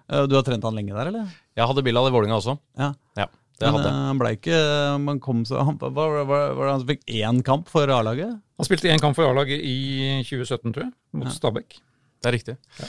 Eh, Bilal var, var, skadeutsatt og var gjennom en tøff periode, også den gangen, eh, mm. som guttespiller. Eh, og det var mye som var tøft, og han har vært gjennom mye tøft òg. Det tror jeg har litt med de følelsene han viser rundt kampene òg. For mm. han, han, har hatt en, en, tøff vei dit han er i dag. Mm. Uh, men kom seg opp og var god i den siste tida i Vålinga, men jeg. Jeg hadde egentlig stor tro og tillit til han den gangen, men det er ikke alltid sånn det blir. Eh, så da blei det riktig for han å, å, dra til Odd, som mm. var villig til å, å, gi han muligheten på deres A-lag. Han fikk ganske mye kamper der nede på A-laget, uten å bli nevneverdig fast. Under Fagermo, selvfølgelig. Det er riktig. Ja. så det også er jo, er jo litt artig, da. eh, men så stilna det litt der nede, mm. eh, og trengte å, å, komme tilbake og få litt fornya kjærlighet til fotballen. Og da begynte de med et utlån hos oss i fjor, mm. som jeg syns ble ordentlig bra. Mm. Ja. Det er morsomt å se. Og det, som du sier, man, man, man skjønner jo på han at, eh, at, det er mye følelser i, i en. Altså ja. Når han får den eh, Setter den avgjørende gård på, på overtid. Ja, han er jo det. Altså, han, er, han er enormt dedikert. Det er så mm. mye trening å ta vare på kroppen og jobbe, og i tillegg til all fotballtrening, så er det er jo Ja, du blir jo rørt sjøl òg, når de mm. gutta som jobber hardest, eh, får det til. Også. Hvem andre, Hvis du skal trekke fram liksom noen, som, eh, noen som du har trent i Vålinga, som har virkelig hatt det der supertalentet, men eh, kommer kanskje ikke helt har blitt så store stjerner eh, som, som, du hadde trodd eller håpa på? eller et eller annet? Og dem er, det er mange, vet du. Ja, det er det, ikke det er jo Nå begynte jeg å rote i rekkene. Jeg har jo fryktelig mange år bak meg der, og det er veldig mange som har fått det mye fint med fotballen, først og fremst. Det har vært deilig eh, og godt å se. Men jeg har hatt noen, eh, noen spillere tilbake i tid. En uh, Morad El Bakali. Som, det er sikkert ikke han er en 94-modell, da, men var en helt er, Nå graver jeg ordentlig dypt. på Ja, ja, ja, du, må, du må ned i materien. Men der det er sitter bra, noen der som veit. Men han var en fantastisk spiller. Mm. Eh, tilbake til vanvittige ferdigheter. Det var en Ozan Turan eh, som Mm. spilte sammen med Håvard Nilsen den gangen, på 93-kullet. Du hadde en uh, Allan Alikani på et 95-kull. Altså det er det var, eh, ja, kunne, det er så mange som hadde mye godt gående da, og fantastiske ferdigheter den gangen. Men hva er det som gjør at uh, så gode talenter ikke får det til? Godt spørsmål. Det er litt sånn at det handler litt om at du må være heldig med hvilke trenere du har. Ja. For det, ikke alle kan få tillit. Det er jo rart når du sier det, som var treneren til disse folka. Ja, som ikke, det er, det er helt riktig. det er ja. feil, ja, ja, men uh, det er jo også sånn at eh, jeg var jo dedikert årskulltrener, så de skal jo videre oppover i systemet også. Så da er det litt sånn at da da er det kanskje noen andre trenere som ser etter annen. Det er noen andre eh, Du har spillere i årskull over kanskje som er enda sterkere i samme posisjon. Mm. Så du har kanskje ikke tid eller plass til å gi akkurat de den muligheten. Mm. Eh, og så trenger man jo ikke alltid være enig som trenere innad i klubben, og det er mye diskusjoner, ikke sant. Mm. Hvem skal vi ta den, den? Og det er ikke noe, det er ikke noe fasit. Og det er jo, det er jo tøft. Mm. Eh, og så er det noe med den indre driven også til enkelte av spillerne. Det er jo kanskje først og fremst den som er helt avgjørende. Mm. De som tåler litt motgang, og som knytter på seg skoa og så går på igjen. Eh, sånn som Bilal, da. Som, Mm. som må ut, ut og så i, altså, gå den løypa. Da. Mm. Så jeg vil si at uh, den mentalitetsbiten, treningsiveren, den, den råskapen må du ha. Det holder ikke bare å ha ferdigheten. Ja, for Jeg snakka med noen folk uh, som kjenner deg godt, og de sier at eh, en av kanskje største styrkene din er den evnen du har til å se, se den enkelte spilleren. Og ut, utvikle dem. Og, og, altså, det er jo vanvittig store forskjeller på individualister i, innen en spillertropp. Med for, folk med vidt forskjellige behov, egentlig, for oppfølging. Det er riktig. Og det er, det, er nok Ja, det er jo hyggelige ord eh, av den som har sagt det, men eh, det, er- eh, det er vel sånn jeg har kommet dit at jeg ser at det også er min, mine største styrke. Det er blitt å, å se de spillerne. Det har mye med at jeg har fått lov å være i Vålerenga all den tida. For det, er det ett sted du har fått lov å ha spillere rundt deg som kommer fra alle mulige steder, alle forskjellige bakgrunner, eh, væremåter, altså behov for å ikke sant? Hvordan, du kan, hvordan kan du sette krav, hvordan kan du ikke sette krav, kan du ta dem foran gruppa, kan du ikke, hvordan liksom mm. etterstrebe det her, gruppedynamikken, få dem til å fungere sammen. Altså det har vært, mm. det har vært noen helt vanvittige reiser, men det har vært eh, eh, ja, de, de beste åra jeg har hatt i fotballen, er eh, når jeg trente ungdomslaga i, i Vålinga. Det er eh, de aller beste åra jeg har hatt som fotballtrener. Mange flere på Gia Said som en av dem som du utvikla. Vi har vel gått litt eh, hånd i hånd hele veien. Ja. Jeg har hatt den fra han var 14 år, til han eh, gikk ut fra A-laget. Eh, og ja, jeg har eh, Ja, folk kan jo le litt av forholdet til meg og Gyas, men vi er liksom på Det var tekstmelding fra Gyas i går når eh, kampen gikk inn, så han er på alt. Han trente med oss Uh, før han reiste til Tyrkia nå. Ja, Så trente han med Koffa. Okay. Og vi har, en, uh, ja, vi har en voldsom reise, men vi er kanskje de som har kjefta mest på hverandre og vært tøffest med hverandre hele veien. Men hva mener du når du sier folk kan le av det forholdet? Jeg kjenner ikke det forholdet så godt. Men Nei. er det Det er jo det er litt sånn eh, Altså det er jo det, Kanskje de sier jeg er liksom gullgutten og sånne ting da, Ja, for meg. sånn, Og det, det er vel litt der det har vært. Men eh, vi har jo hatt og trøkka den reisen. Og, ikke sant? Vi har kjefta litt som du kan, Jeg vet ikke om du kaller storebror, lillebror eller far, sønn. Du kan kalle det hva du vil. Men vi har tråkka den eh, løypa fra han har vært eh, fra 14 til ja, nå er han nå 27 år gammel. Eh, så det har vært uh, Men uh, utrolig fin reise å være med på. Ja, må... Se hva som skal til, og, og vite alle utfordringer man må gjennom. Mm. Kort, hva, hva er status med han nå?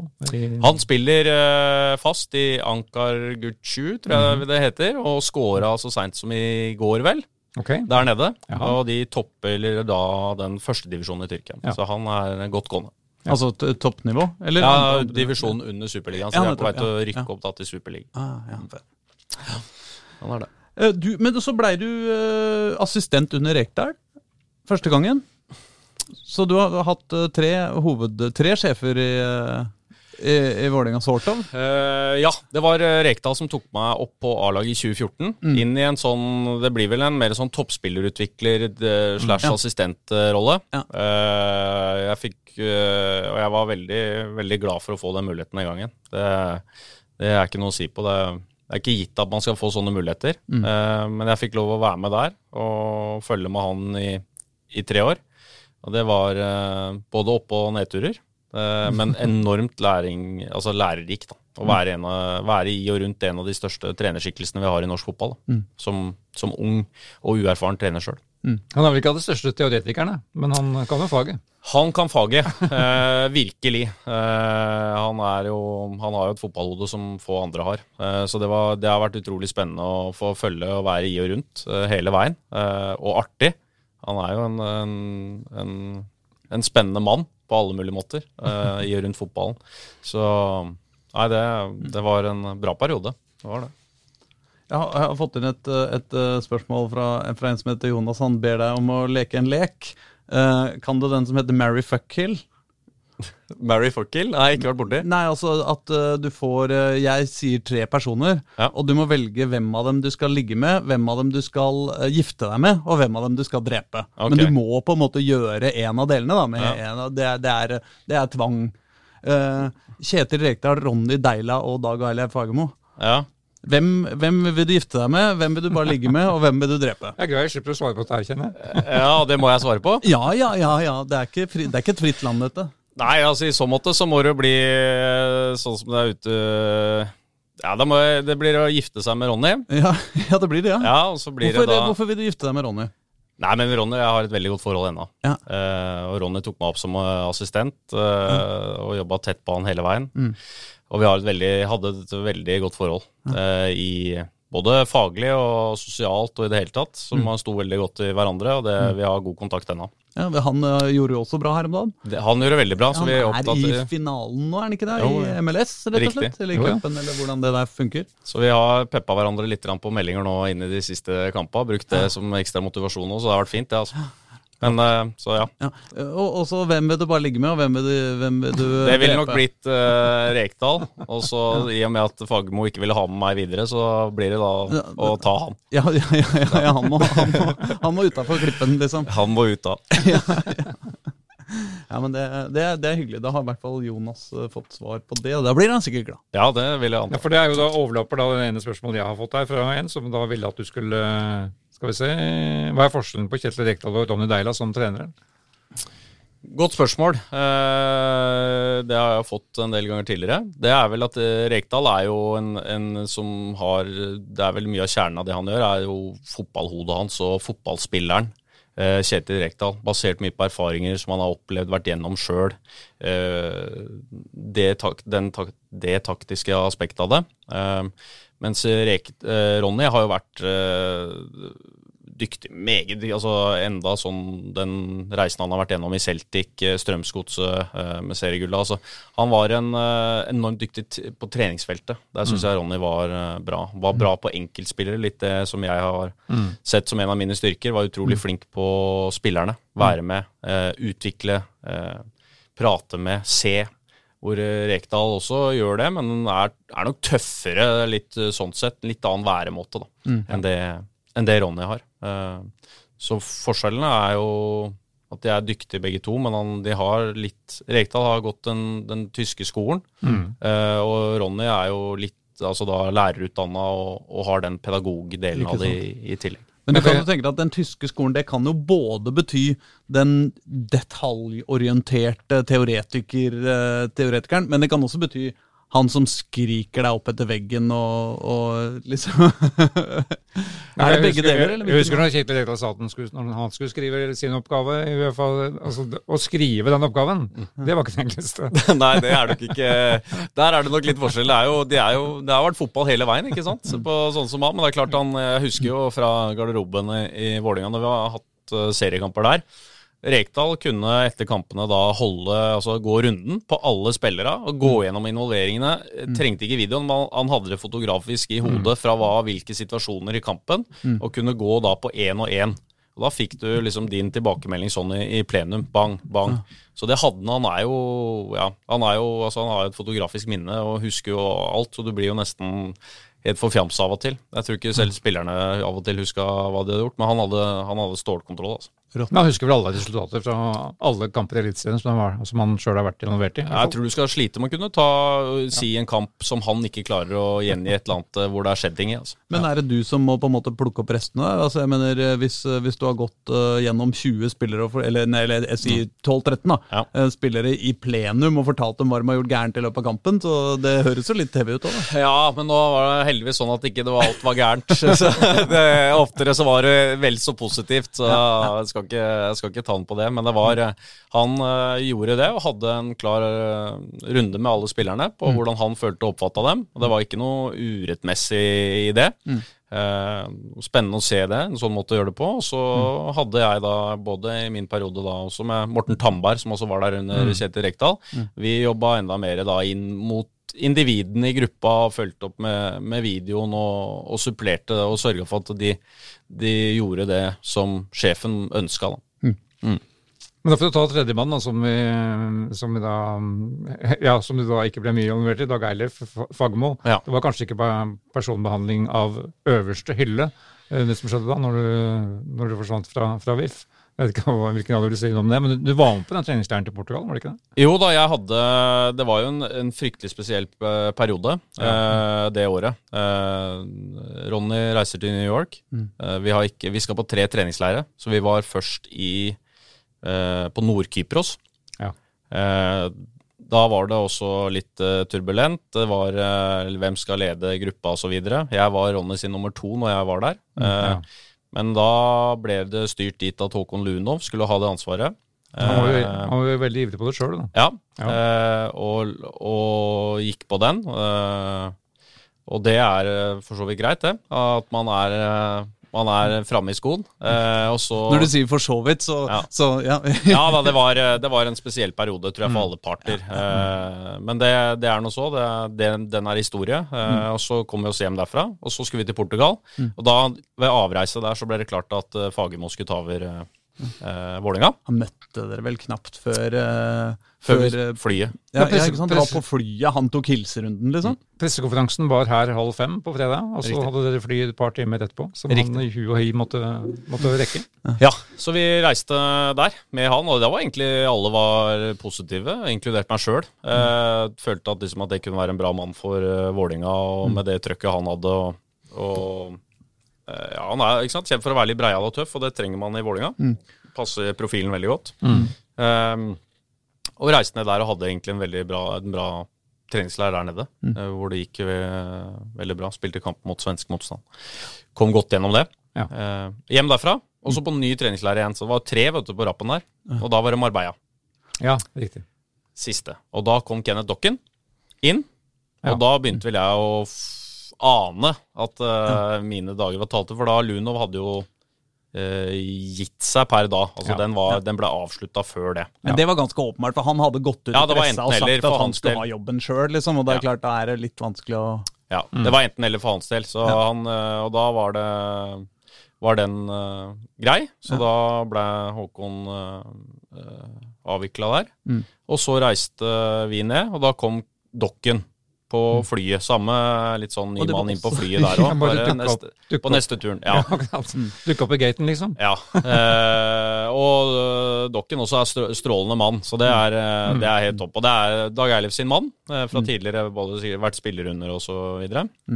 Ja, kom ned. Da, da begynte jeg å skjønne, for jeg har sett teamet til, til Fagermo tidligere, og det holdes lite og tett, og det er helt fair. Og sånn er det i fotballen. Um, så da jeg begynte vel å, å skjønne tegninga, men uh, etter, etter 14 år i klubben så føltes det jo halvt tøft, og det, var liksom, det er jo blitt litt hjemme, da, for min del. Eh, det tråkka de samme stedene og eh, vært med på det man har vært. Da, så, så da blei det tøft å komme hjem derfra og liksom få beskjed om at du trenger ikke å det vi lander, og få beskjed om at jeg trenger ikke å møte på mandag.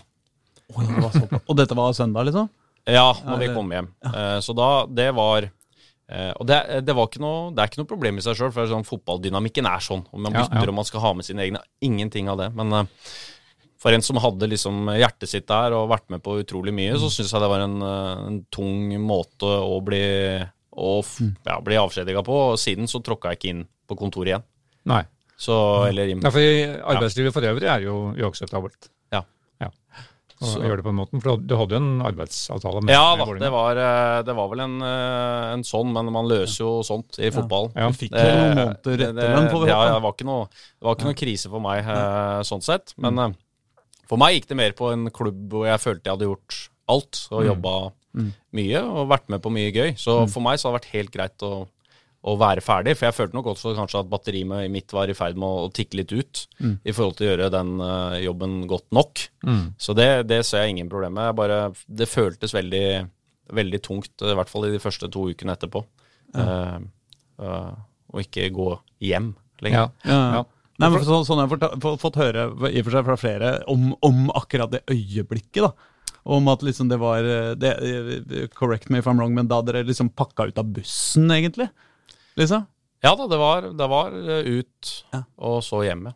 Og så liksom bare ved sida av bussen omtrent, og så Det var en, en, kort, et- en kort samtale, og så fant Ja. Så løste vi det egentlig veldig greit. Jeg hadde ikke noe, jeg synes, altså For meg så det var Jeg syns Vålerenga fikk et uh, løft den sesongen. mm. uh, med Fagermo og, og bronseplassen og alt det. Så jeg syns liksom Det er ikke noe Det er ikke noe. For meg så gikk det på litt på klubben, eh, ikke på enkeltpersoner. Mm. Ja. Eh, sånn sett at det var eh, at det er en viktig måte. Og det, det har vært litt mye av tidligere, syns jeg, i, i en sånn, sånn fin klubb hvor eh, det er, viktig å ta vare på de som, som jobber hardt og ønsker klubben vel. Da, Mm.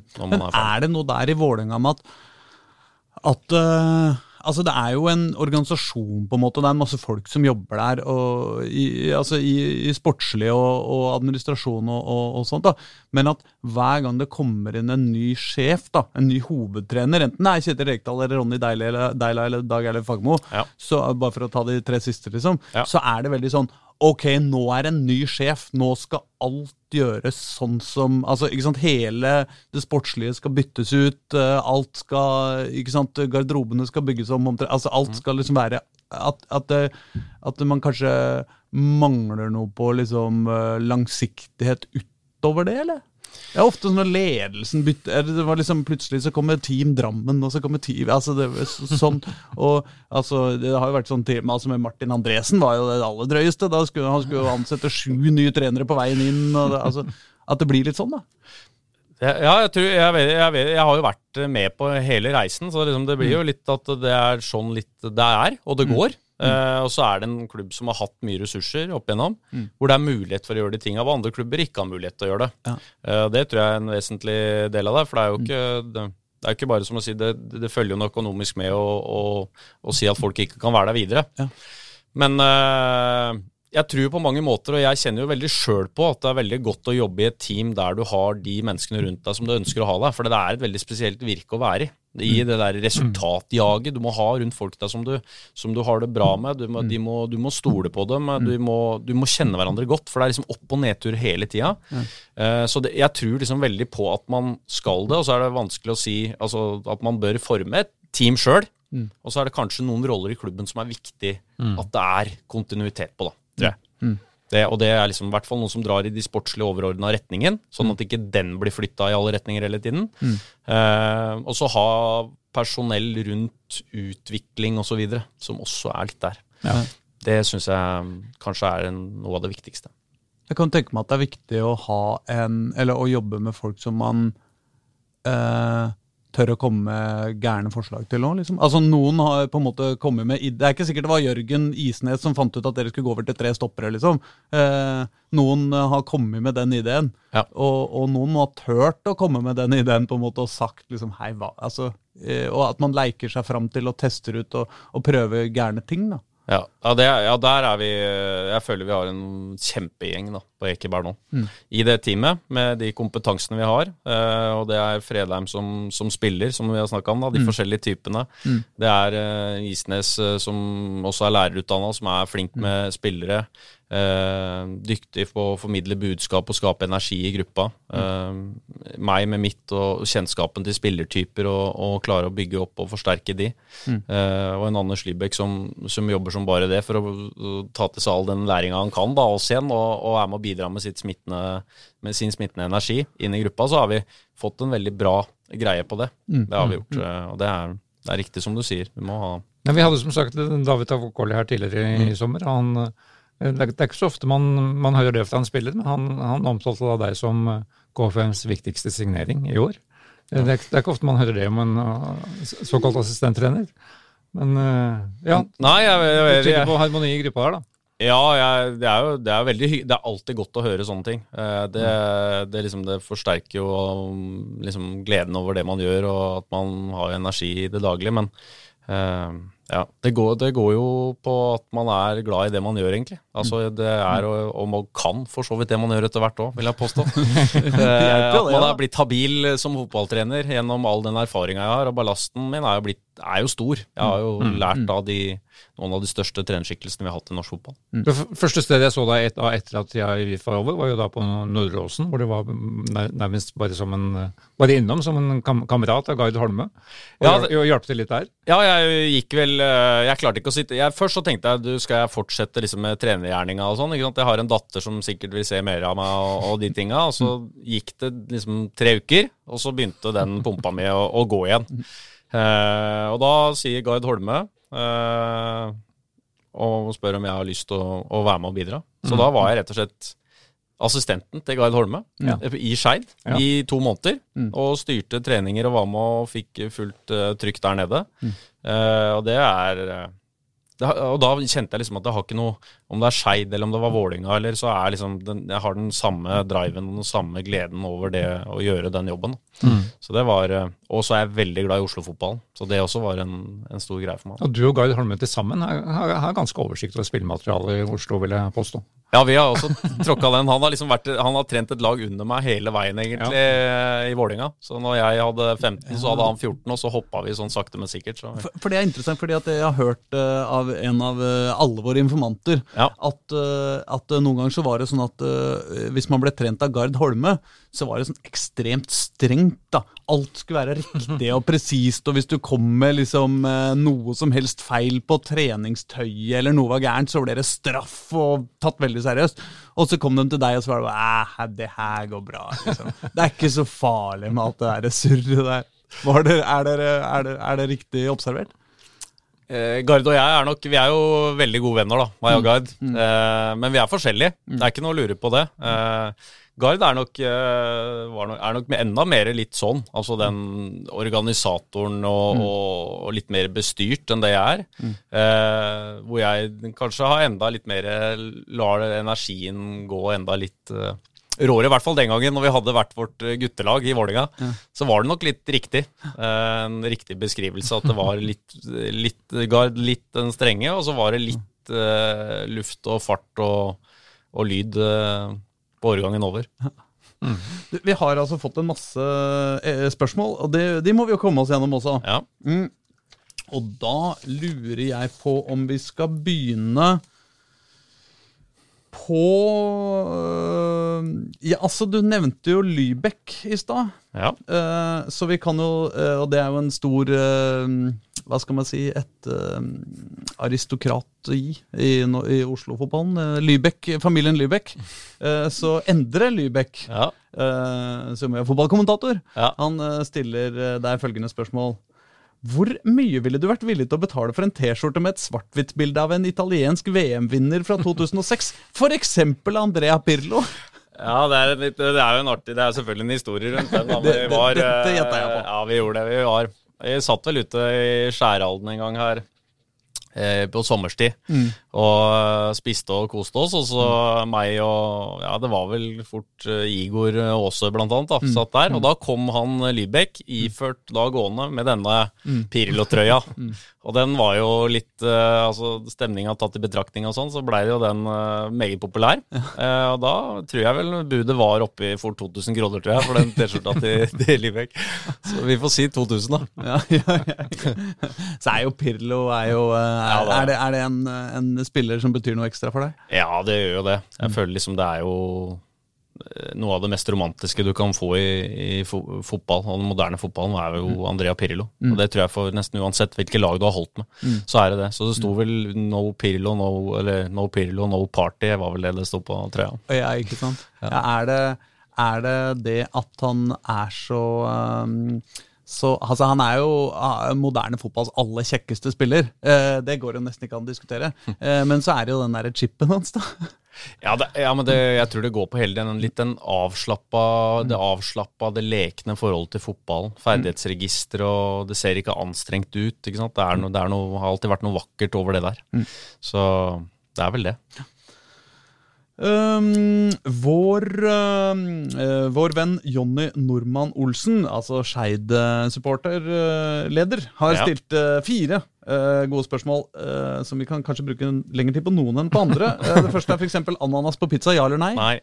Nei, det var greit. På en skala fra én til ti, hvor glad er du i naboene rundt KFUM Arena?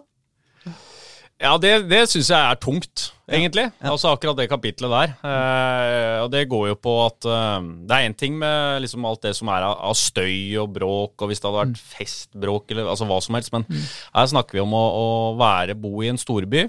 Og bo da ved, en, og ved fotballbaner hvor barn og ungdom leker med ball og sparker ball, og bruker energien på det som er viktig, og det som er sunt og godt. og Det er, liksom, det er ingenting negativt ved det. Og da se det som et utelukkende problem, det er tungt. Eh, og da mener jeg at man får nesten se på andre steder å bo enn i, i de områdene, eller i byen for den saks skyld. For det, altså barnelatter og glede og fotball, det kan ikke bli et problem, er nå min mening. Men eh, det er det for mange. Bakteppet er utbyggingen av K5 Arena. kort Ja, ikke sant? Og som Ja. har vært mye naboklager og mye, mye krangling og mye Ja, de mye klager greier. jo egentlig allerede, før det er noe stadion der, på ballsparkinga som er. Eh, de så, det, er- ja, ja. så mm. jeg vil jo kanskje, når den arenaen kommer, så skal det jo også lages litt baner på utsida av anlegget osv. Så, videre. så jeg skjønner at støyen i selve arenaen er jo for så vidt så, men du får jo i hvert fall lukka noe av den støyen inni arenaen hva gjelder ballsparking. Eh, men eh, Det er forsinket hele prosessen, etter, da. Ja det, er, ja, det er vanskelig. Det er byråkratiet. Alt står egentlig klart. Fra alle papirer er inne, alt er der, finansiering, alt. Altså alt er under kontroll. Jeg tror det, liksom, det er de stemplene vi snakker om. Ja, Dere har vel eh, fire måneder på dere omtrent, da? Ja. Til, til Eliteserien eh, starter i 2022. Ja, er usikker på om vi rekker det. skal, skal, skal ha noen gode tømrere. Ja, de, de skal på jobb. ja, det skal. Eh, Spørsmål eh, tre. Blir det for mye kniving om talentene i Stor-Oslo med tre Obos-lag fra Oslo, eller ønsker du konkurransen velkommen? Jeg vil si jeg ønsker konkurransen velkommen. Jeg tror liksom konkurransen driver produktet, og konkurransen driver oss. Det at Vi har ikke tid til å være, ha noe, det er ikke noen hvileputer. Grorud gjør ting riktig, vi må gjøre ting riktig. Eh, Skeid er ikke sant, Talentfabrikken står der. De er, har vært flinke på å utvikle spillere i, i mange mange år. Det, eh, jeg tror litt av det drives, og det gjør også at produktet som Oslo-spilleren og Oslo omegn kommer veldig godt ut av. For det er ikke plass til alle i Koffa eller alle i, i, i Vålerenga eller alle. Altså, så jeg tror vi trenger alle miljøene og grupperingene som vi har. Og jo bedre de er, eh, så tror jeg også at eh, altså, utviklingen av Oslo-spillere, som liksom jeg mener er veldig viktig, eh, blir bedre av det. Men han eh, Nesselquist i Strømmen, han fortalte det nå i eh, Jeg hørte han på Han er med i en podkast som heter Toppfotball. Ja. en Fin podkast. og så etter at han nå har slutta, som eller meldt at han slutter som eh, trener i Strømmen, så fortalte han litt om liksom hvordan Da han begynte der oppe, så hadde de mye bedre tilgang på Han brukte ikke som noe unnskyldning, og sånn, så det er, ikke, det er bare en betraktning. Men at, at de da oppe på Strømmen hadde bedre tilgang til spillere, fordi folk flytta Altså ganske gode fotballspillere da flytta til Oslo, og så var det ikke plass til dem på Vålinga, og så var eh, Strømmen eh, et, et alternativ som, som eh, kunne funke for de da. Men siden det så har det liksom blitt så mye konkurranse og så mange klubber i, i Oslo eh, i, eh, i toppen at, eh, at de nå taper den konkurransen her. Altså Det er jo ikke et nullsumspill, dette. Det er jo noen spillere, og det er jo Ja, nei, det er du, et- ja. du, er nok, du er nok inne på det. Eh, og så er det vel noe med utviklingen av de klubbene som er i Oslo. Grorud har tatt kjempesteg. Fått et fantastisk fagmiljø opp å gå der oppe. ikke sant? De har fått mm. den uh, Arctic Arena mm. det er vel, jeg tror det, mener det er riktig, inne på nå i hvert fall. Mm. Fått ting opp og gå. Eh, vært dyktig med både spillere i området. Mm. Eh, og det løfter jo produktet. Mm. Så da må da strømmen må jo matche det med noe. Eh, og det er klart, det er det jeg snakker om, at den konkurransen må jo være med oss og prege oss. Så må du finne hva du kan være god, god på. Mm. Uh, vi nå har liksom prøvd å være gode å finne i en gruppering på, på Ekeberg. Eh, med liksom de Holmlia-gutta og lagd litt, eh, fått liksom en god gruppering på det. Men er for dårlige enda på å utvikle egne spillere. Mm. Det er ikke vi. Der er Grorud lenger fram enn oss, mm. og Skeid. Så det steget må vi ta. Det ønsker vi å ta. Eh, men det er klart alle de, de, små faktorene er med å spille inn og, og drive klubbene framover. Mm. Jeg, jeg, tror liksom Gard og jeg er gode venner. Vi konkurrerende klubber. Det er ikke noe Det blir ikke noe altså, Eh, ja, det er, en, det er en sunn sånn drivkraft mellom klubbene. Og så har du Vålerenga som, som, sitter på og kan plukke fra oss igjen, da. Mm. Eh, når ja. de ønsker det. Det Nei. kan de. Men er det sånn at hvis du får en, eh, en telefon fra en eh, ganske god fotballspiller, men som du ikke har plass til oppå, oppå Ekeberg, ja. så ringer du til Gard og sier du, han her flytter til Oslo, nå skal ikke du ta han da? Det er riktig. Ja, det gjør det? Vi, vi gjør sånn, ja. Mm. Altså, vi, Hvis ikke vi ser en reell mulighet, så mm. tipser vi, kan jeg tipse han om å si at han og sånn og så videre. Det, mm. og det ja. Så blir det, det surt hvis, uh, hvis, han scorer mot dere til neste år, da. Ja, det må du tåle. Hvis du først har gitt bort muligheten, så må du bare så må du ta den. Så det er en del av, en del av gamet. Uh, neste, Siste spørsmål fra Jonny. Uh, uh, det veit ikke jeg hva det handler om, men han spør hva syns du om arenakravene til NFF? Nei, det er jo jeg, jeg har ikke satt meg inn i det. Det er mye. Ja, men Da snakker vi egentlig om lys og, og ja, Obos-ligakamper som skal spilles samtidig og sånn, da. Jeg vil jo heller snu på det og si at uh, det, jo, det, er jo noe som er gærent i Oslo-fotballen, i og med at vi har topplag over eh, hele linja. Vi har tre Obos-ligalag mm. uh, som ingen av lagene vel kan spille på kveldstid når det drar seg til. ikke sant? Mm. Uh, det, Eh, det er jo helt uhørt. Mm. Eh, vi var i Åsane nå, fantastisk anlegg som de har fått opp der oppe. ikke sant? Mm. Eh, Sandnes Ulf er det vanvittige anlegget. Det sånn, eh, over hele landet nå så settes det opp utrolige fine anlegg, og vi reiser rundt og er med på mye. Og så, da, Jeg skjønner jo at de laga trekker litt på smilebånda når de må inn i Oslo by. da, Og spille på de stedene som vi gjør, da. Som mm. liksom, noen kaller jeg vet ikke, Erik Bakke sa vel parkeringsplassen oppe på Ekeberg en gang. Mm. Litt dette her, da. Så jeg, jeg vet ikke, Kravene det er vel mer hvordan, hvordan kan liksom det legges til rette for at man får mulighet. For det, det er klubber med ressurser der som eh, sånn som KFUM nå, da, som sitter klare, og så får man nok noe drahjelp i å mm. bedre produktet. Ja. Det syns jeg er trist. Men eh, det er en stor diskusjon, da. Men, ja, for den er stor. Fordi utafor fotballen de peker bare på Ullevål stadion og Bislett som ligger der, og som ingen ja, bruker. Ja, ja, Kunne dere ikke spilt i Obos-ligaen på Ullevål stadion? Hadde ikke det vært kos, liksom? Ja, jeg er usikker på. Jeg husker jo det siste kampet til Lyn. Liksom, det er ikke så stas med 1000 stykker inne på på stadion her, altså. Det blir, det blir, spesielt, og det blir rart, og det blir dyrt. Ja, ja, og, det og, og, det ligger jo tross alt også på helt motsatt side av byen, da. Det er korrekt. Det hører jo hører, hører vel litt med det. Nei, man kan jo ikke holde på sånn, men, eh, men, det er jo Det går jo inn i spørsmålet hvem skal eie idrettsanlegga, da? Egentlig er jo på en måte dit vi Den naturlige ikke sant? Er det, er det off, Skal det offentlige eie stadioner og, og, fotballbaner, eller skal klubbene eie dem sjøl, på en måte? Ja, det er mye. Det er mye mellom det kommunale og det i det hele tatt diskusjoner hvem og hva og, og mm. hvor. Jeg, jeg, er ikke godt nok innforstått med det. Det eneste jeg vet, er at øh, de må i hvert fall være frontfigurer for å få det til, og ikke være så motarbeidende som jeg delvis føler det er nå, da, mm. på de mulighetene som ligger der. Vi får heller ta hvem, de. Hvem mente du nå? Nå skjønte jeg ikke. Nei, det tenker jeg litt på de sånn som nå, at det er, det er jo byråkrati som stopper at ja. uh, vi får en arena på Ekeberg. Mm. Det er det jo. Men du har trua fortsatt, eller? Jeg har trua. Ja, ja, det, det, kommer til å skje, liksom. Det, det skal skje. Det kommer til slutt. Ja. Jeg har et spørsmål i forlengelsen av det der. for at ja. det En som heter Anders L, som spør om uh, hvilket opprykk i Oslo-fotballen gleder deg mest? Altså, Det har jo vært et godt år. Skeid har rykka opp, Ullern har rykka opp, Frigg har rykka opp. Vi teller ikke med KFM ennå, fordi, selv om det kan ha rykka opp. jeg, jeg, jeg, vil, jeg, vil si Skeid. Ja. ja. Jeg fikk et De to månedene Egentlig så hadde jeg et veldig sånn Ikke et supert forhold til Skeid. Tidligere. Jeg har trent uh, aldersbestemte lag og alltid kniva med Skeid om talenter. Og liksom, Så jeg tror ikke jeg var sånn supervelkommen på Skeid sånn i et eh, litt historisk perspektiv. Eh, men etter liksom mye bra folk der, Morten Berre, sant, som jeg har hatt gleden av å trene i Vålinga er der. og Gard Holme er inn der. Uh, når jeg var der nede selv, var med inn, ble litt kjent med de menneskene som også jobber der. Altså, det, er, det er også et bra sted, og jeg, liksom, jeg unner jo Gard. Og jeg trent mange av de spillerne som er der. altså Simen Hestnes og de, altså, Ja, ja. Dette er spillere jeg har hatt i mange år i Vålinga. Så liksom, det er, ja, det er mye Jeg vil påstå at det er den Mm. det er det opprykket da som Så- står Det var vel tre Skeid-spillere som skåra på straffene i ti- Tidligere Skeid-spillere som skåra på K5-straffer i går. Det er riktig. David Tavakoli, Moa Manin og Johannes. Helt korrekt. Ja. Ja. Helt korrekt. Eh, vi har fått inn noen spørsmål også fra, fra Ekebergsletta.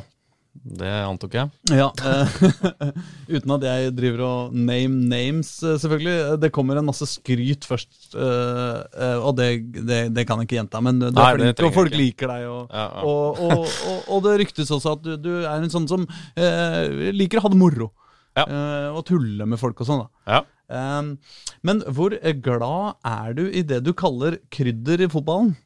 Å, det, den er fin. Eh, og da kan jeg forklare at for meg er krydder det er eh, alt som ikke er A4. Spillerne som ikke er A4, som ikke nødvendigvis bare er han som liksom Det er de som har noe ekstra, som tør å by på seg sjøl. Som liksom kan være en liten utfordring i starten, rett og slett. Kommer for seint, jeg får ikke tak i ikke sant? Litt den der. Og det er det forholdet jeg har hatt med alle de gutta jeg har trent i, i Vålinga opp igjennom. Altså Hvis du kan snakke om liksom, med Billal, da. En Jai som er i der. Ikke sant? Det, er, det er mye, det er herlige ting, og det er liksom litt sånn der, og, og plutselig glemme litt og sånn, men det er liksom 100% innsats, og du veit at gevinsten er så stor hvis du når inn til de spillerne og får noe ut av dem. Så krydder for meg er det som de spillerne som, hvis du lykkes med dem, er i stand til å gjøre maten ekstra god. Det er Derav krydderordet. Ja, ja, ja. Så det, det, det handler mer om, eh, om det, er, det er litt sånn det her, det her er læreren i deg som, som har liksom lyst til å, det, Det, det er riktig, eh, og jeg trigges veldig av, av de spillerne som eh, som ikke nødvendigvis er de enkleste å håndtere, som gjør alt du sier. ikke sant? Den hopp, og så hopper du, og så Det er liksom de du, du må forklare hvorfor du skal hoppe. og Du må få dem på lag, eh, og jeg må, du må vinne tilliten deres. Og det er ikke, bare, det er ikke alltid enkelt. Det er masse historier som ikke hvor det har liksom vært man ikke, ja, Hvor man har vært gjennom mye ja, utfordrende trenere og andre personer i livene deres som har vært vanskelige. så da da har jeg alltid hatt et ønske om å, å være en av de personene som kan liksom være med å optimalisere potensialet deres. Da. Mm. Men er dette fordi du, eh, du vil eh, liksom eh, redde sjeler, eller er det fordi du, det er moro? Det, gir, det gir energi, og det gir glede, og så gir de så enormt tilbake. Eh, det, kanskje noe av det jeg er stoltest av i min tid eh, som trener, er jo eh, Jeg trente jo 95-94-kullet og så videre i, i Vålerenga. Det er noen av gutta der, mange av dem kom fra Romsås. Eh, Eh, altså gror, altså, Og litt tøffe historier. eh, Og var gjennom alle reisene jeg gikk med dem, kom og. Enten så gikk det veldig gærent, kunne det gått veldig gærent.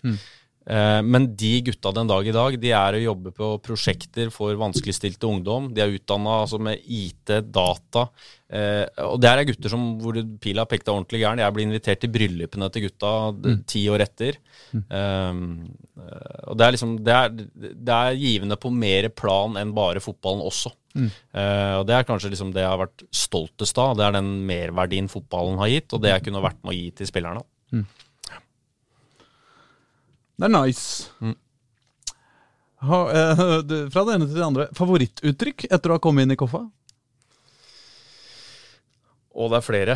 Eh, sneian er et uttrykk der oppe. Oh ja, litt på sneian. Altså oh ja, sånn, litt på sida. Sånn, litt Ja. på sneian. Sneian. På Det Sneian. låter sånn Vestfoldaktig. Vestfold-aktig. Ja, jeg vet ikke hvor det Det var veldig brukt når jeg kom inn der. Mm. Så det sa det limte seg.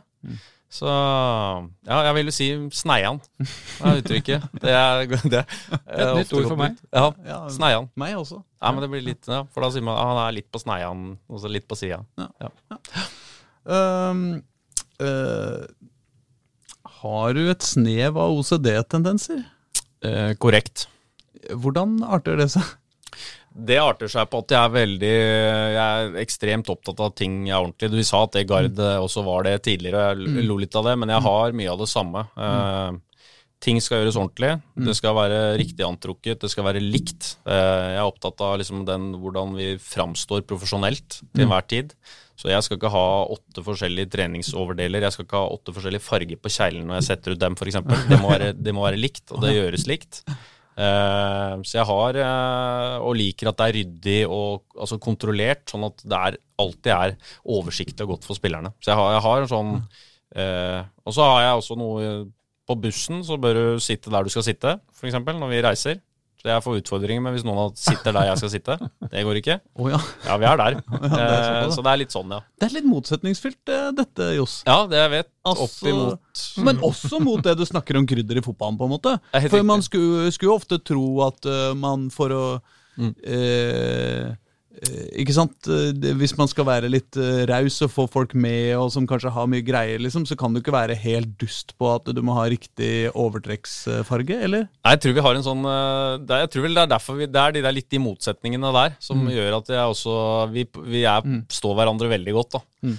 Så det er jo noen av de som, spillerne som er forferdelig rotete, men samtidig så trigger det meg for kontroll på det, og så tror jeg de liker at jeg er litt på dem. Så vi, er, vi, vi gjør hverandre bedre hele tida, da, tror jeg. Var det viktig på bussturen i går kveld òg, hjem fra Fredrikstad? At de måtte sitte på setene sine?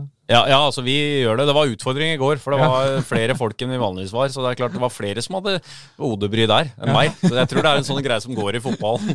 Så, ja, hva, er det da sånn folk er henger Nei, i litt sånn, er det sånn at uh, du liksom, du veit at uh, der sitter liksom uh, Der sitter Isnes har det setet nummer to til høyre der, jeg er til venstre, og så går Fredheim her der. Så det er sånn. Så hvis det plutselig kommer noen som vanligvis ikke er med, liksom en daglig leder sniker seg med og sånne ting, og setter seg, så skaper det ringvirkninger på bussturen, rett og slett. Men det tror jeg går i flere, flere fotballmiljøer enn bare på Ekeberg. Men det er kanskje litt sånn at du har lyst til å ha det settet ved siden av deg tomt og, og uh, høre på podkast Det er riktig. Jeg liker å, jeg er veldig glad i å høre på musikk, så ofte tar det ned med det. Men i går så måtte Daniel Fredheim sitte ved siden av meg. Men vi, vi satt bare egentlig og glisa til hverandre hele veien hjem, tror jeg. Det er vel ikke en skjebne verre enn døden å ha Daniel ved siden av seg. Nei, det er, det er tungt å ha Daniel ved siden av seg. Han, er, han snakker jo så fælt, så Um, styrker og svakheter i trenerteamet i KFM? Uh, Styrker, Uh, komplementære ferdigheter. Det er styrkene. Vi er uh, forskjellige typer. Jeg tar mye plass. Jørgen tar mye plass. Eh, Libek tilpasser seg det. Eh, Det samme gjør Daniel. Kan tone det ned, kan være synlig når han vil. Så vi er, og så har vi en eh, keepertrener som er helt fantastisk, mener jeg. Som, som er morsom og eh, Ja. Det er ikke Det, det er det? Hva heter han? Eh, Mikki. Mickey. Går under kallenavnet Mikki. Jeg tror alle kjenner han som det. Det er vel Miklo Sandor Venedik er vel navnet. Men det er Mikki Hele fotballmiljøet kjenner han som Mikki. Mikki er enorm på faget, og kanskje altså en av de dyktigste sånn trener keepertrenerpersonene jeg har vært borti, i forhold til hvordan han ser spillet. Så det har vært en åpenbaring. Men han er eh, ja, ytterpunktet. Annerledes og morsom og, og en, en fri sjel da, ute på sida. Så vi er, det er jo styrkene våre er jo at vi er veldig forskjellige, men samtidig kan da ha med eh, Når det blir litt for tungt med meg og Jørgen på det faglige og sant, den biten, så, så har vi personer som kan bryte opp og, og få fri den gode gleden inn i rommet. For det er viktig, for i fotballen svinger resultatet. Altså. Ja, for ja, Vi har nevnt en litt keepersituasjon. Dere har jo hatt tre-fire keeper- hovedkeepere i løpet av hele sesongen. Det er riktig, det. Han har hatt, hatt et puslespill. Han, eh, Ja, virkelig hatt et puslespill. og Han sendte Knut eh, til Eliteserien. Gjorde en kjempejobb med Knut Skjærstein. Ja. Eh, og så har de to andre egentlig havna i en situasjon der de kniver med hverandre. Så det, blir, det er spennende å følge. han, som de, står nå de kom- blir bedre. han som står nå, kommer jo opprinnelig fra Ullern, har jeg skjønt. Det er riktig. Ja. Opprinnelig Ullern-gutt. Men uh, svakheter i teamet, Mm, ja. det er vel det at alle er litt sånn litt høylytte på en eller annen måte. Så det er sånn du må få tona det ned av og til. eh, av og til. Det er vel det det går i. Vi er eh, eh, ja. Det er mye sterke meninger i alle personene, så når vi diskuterer så blir det, blir det varmt. Mm. Det kunne, det kunne, jeg aner meg at det kan, kunne vært flere hovedtrenere der. Altså, både du og Daniel kunne vært hovedtrenere, for så vidt.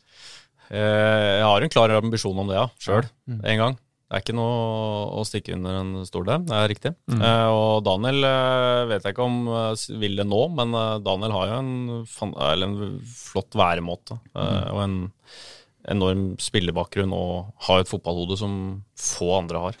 Jeg hører det er en ledig jobb nede på, eh, på Intility, egentlig. Altså, damelaget har ikke trener om dagen. Kanskje det, Det er riktig. Kanskje det kunne vært noe? noe, hører noen rykter om det. Ja. Vi får se. Å ja, er det, har, Nei, jeg skal ikke, det er ikke noe der nå. i hvert fall. har det vært kontakt? Nei, det har ikke vært noen Nei, kontakt. nei, nei. Nei. Men har du tenkt på ideen? Altså, man har jo Jeg har tenkt på ideene. Man tenker jo alltid på forskjellige og hvilke utfordringer man kan se seg sjøl i som trener. Mm. Eh, Men akkurat nå er det en vanvittig utfordring i det jeg står i med, med KFM, og jeg nyter stor tillit der. Dessuten så er det vel kanskje en viss fare, dette skjønner jeg om du ikke kan si noe ja. saklig om, altså, men eh, en trener som Jørgen, som har hatt så stor suksess med Ja. så lite ressurser over så mange år, og nå i tillegg er helt eh, på tampen av å kunne rykke opp til Eliteserien Ja. Hvis det ikke skjer, så er det vel ganske stor fare for at eh, det er noen som eh, legger, har lagt merke til den, eh, den framgangen der. Og da kanskje det blir ledig hovedtrenerjobb i KFUM? Ja, jeg kan først kommentere på at Jørgen Isnes er jo Altså, det er merkverdig hvis ingen eh, noterer han på blokka si og har han langt fremme. Det er vel få, få personer som har, eh, har levert det han har gjort de siste åra. Eh, et enormt poengsnitt på Koffa over flere år. Eh, en spillertropp som lever på økonomien av bunn fire-lag i Obos-ligaen hvert eneste år. Eh, er med å spille kvalik, er med og kjemper helt inn, fornyer spillerstall. Vi selger de beste spillerne våre vi til, til Sogndal, f.eks., som, vi- som vi deretter slår ut. Så det er klart, det, Isnes sin jobb har vært helt formidabel, mener jeg. Så det er, merk, det er merkelig om ikke noen har, uh, har sett på han. Men han får vel eh, Han får vel uh, Du vet, ignorere anrop i et par uker til, i hvert fall. Eller, ja. Ja, Jeg vet ja. ikke når den kvalikkampen er. Det er om en uke, onsdag om en uke. Siste. Oh, ja, det er så, Siste. altså den sjølve kvalikkampen. Ja, er 15. desember. Ja, ikke sant, så. Så fram til da så kan i hvert fall Jørgen skru av telefonen. Det, så, det skal han gjøre. ja. Um, jo, uh, men det siste spørsmålet fra, fra uh, Ekebergsletta um, Kan si noe om forskjellene mellom Vålerenga og Koffa, og hvor, hvor vilt det er med å spille om eliteserieball for Koffa? Altså, Forskjellen er store, eh, men det går på alt som er rundt. Mm. Eh, å være i Vålinga er liksom Det er en vanvittig Altså rundt supportere, det trykket på kampene. Det er klart det ligger en helt annen forventning og et trykk på, på deg sjøl som trener, ikke sant, med alle som bryr seg og uh, ja, fasiliteter er på et helt annet nivå. Det er jo det som, som ligger der oppe. Eh, men spillere og altså motiverte spillere det, Spillerne våre står ikke tilbake for det, eh, det jeg hadde i Vålinga der, på spillere som ønsker. Det er kanskje det er av, Mange av de Vålinga-spillerne er jo spillere som kanskje var på slutten av karrieren. De vi har, er jo sultne fordi de vil noe mer enn Obos-liga. Så de jager og jager og jager. Så den motivasjonen og sulten der er jo helt enorm i den gruppa vi har. Og det er derfor vi også lykkes, eh, hvis man kan kalle det vi gjør, å lykkes, da. Så. Det er liksom det, det, det, det er det rundt som gjør så mye Vålinga så mye større. Og interessen, og det er fantastisk eh, klan og ikke sant, hele, hele dette her. Um, så hadde vi, får vi på plass en stadion på Ekeberg, så får vi i hvert fall utligna fasilitetene litt, for der er vi ikke Der er vi milevis bak, da. Så Det er ikke alle som må krysse hovedveien for å spille kamp. Det, det er ikke alle som må ha, ha sperrebånd over, eh, over en vei, nei, til uh, inn seriekampen. Det, vi og, det var vel Konsto Arena en periode der. Ja. nei, men der, eh, det kanskje den blir bygd litt eh, noen år for, for seint. Eller kanskje opprykket kommer litt for tidlig. Ikke sant? Egentlig så burde dere ha venta med å eventuelt rykke opp eh, til stadion sto klar. ikke sant? Og man kunne ha en eliteseriearena på Ekebergsletta. Ja, det hadde vært deilig, men det, vi får se hvordan det lar seg løse. Vi tar det vi får, i hvert fall nå. Stafetten er jo på en viss gang. Jeg syns det var bra at å svære mot Sogndal, altså på, på Intility. Ja, og ikke minst i går òg, Ja. og alle de tilreisende. Så det er, det, det er noen fantastiske personer i, i profetene også. Eh, og, det er, og der håper jeg man bare kan bygge. Det var en liten nedtur etter korona, en liten nedsving, men den er på vei opp igjen. Men det er jo litt med det vi klarer å skape som lag òg. i, I Norge så er det jo litt sånn at eh, hvis ikke du vinner, så er det vanskelig å skape skape de dynamikkene, og det ser du på de andre stadionene rundt om i landet. Mm. så du, du må klare som klubb å gjøre noe som er spesielt, og som folk har lyst til å komme og følge, og føler seg som en del av. Og det tror jeg vi er i ferd med å gjøre nå. Men det er jo morsomt da, hvordan eh, altså Noen ganger i fotballen så snakker vi om lag som på en måte fortjener det. ikke sant? Og lag som på en måte hører hjemme i Eliteserien. Og det er klart at hvis du spør mange rundt omkring i Oslo-fotballen at uh, i, uh, når det i går var kamp mellom Koffa og Fredrikstad om, å, om retten til på en måte å slåss om opprykk uh, til Eliteserien, så vil jo mange si at det er, ja, det er Fredrikstad som hører hjemme der. Ja. For, Ja. Men hører, hører Koffa hjemme i Eliteserien? Er det noe plass der for dere, liksom? Hvis vi rykker opp, så hører vi hjemme der, for da er vi gode nok uh, til å være med. Det er det jeg tenker. Eh, hvis ikke, så ikke. Men, uh, Men kan dere liksom stabilisere altså Er det mulig å se for seg et Koffa som, som er i Eliteserien, som er et eliteserielag litt sånn tid, liksom? Man må jo gjennom noen stra strategiske prosesser der òg. For det er klart, eh, skal man, skal man gå på andre typer spillere igjen, hvordan løser man det? Blir man litt varm, bruker for mye, rykker man ned igjen, så får man utfordringer da. Eh, går man med de guttene man har, blir det godt nok? Er det tøft nok? Altså, det, er, det er en vanvittig runde man må gå hvis man kommer dit. Men den gruppa vi har nå, med den type spillere, så, så står ikke de tilbake i enkeltmatcher, sånn som vi viste mot Kristiansund. Vi, vi har det nivået. Jeg er ikke redd for det eh, som eh, Eliteserien vil by på av utfordringer. Selv om det kommer til å komme tøffe kamper der. Men det er jo noen Én ting er jo sjølve laget og, og trenerteamet, og selve ikke sant? Men det andre er jo ja, stadion, publikumstilfanget, miljøet rundt. Det er klart, Koffa er jo en, en breddeklubb eh, i Oslo med en spesiell bakgrunn, selvfølgelig, i og med at det er den Kristen-Norge sin klubb på en måte. da. Ja. Og det er, eh, liksom, det er jo noe der som, eh, som er litt sånn eh, nytt og rart, på en måte. da, Å se for seg Jeg, jeg, Koffa som jeg ser jo hva liksom den, eh, den supporteren til eh, Rosenborg eller til Molde eller, altså, som Mm. skal reie, og Vålinga som skal liksom opp til Ekeberg kontra å reise til Fredrikstad stadion hvor det blir 10 000-12 000 mennesker. Mm. For det blir det jo, hvis de hadde spilt der nede. Eh, så de har liksom det, den biten er jo på plass, men Mm. jo, det sportslige må jo være med. Så de, de også må være gode nok for å få lov til å få den muligheten. Uh, så vi Jeg vet ikke. Vi, vi er i hvert fall uh, Vi må jo finne på noe lurt, i hvert fall, hvis vi skulle rykke opp. Det er helt sikkert. det, er jo, det blir jo en anledning for alle andre supportere til fi, til å finne på sånn, sånn artige kamprop, selvfølgelig. Det er jo det er sikkert Det kommer nok. Jeg regner med at det er litt sjølironi også på dette på, på, um, på dette med Gud, egentlig, og på Ekeberg. Det er, Ja, det er ikke, så, det. det er ikke så Det er ikke så um, Det er ikke sånn andakt før, før treningene, liksom. Nei, vi har nok en ganske innholdsrik eh, garderobe hva gjelder religion også, tror jeg. Så vi har litt av alt der òg.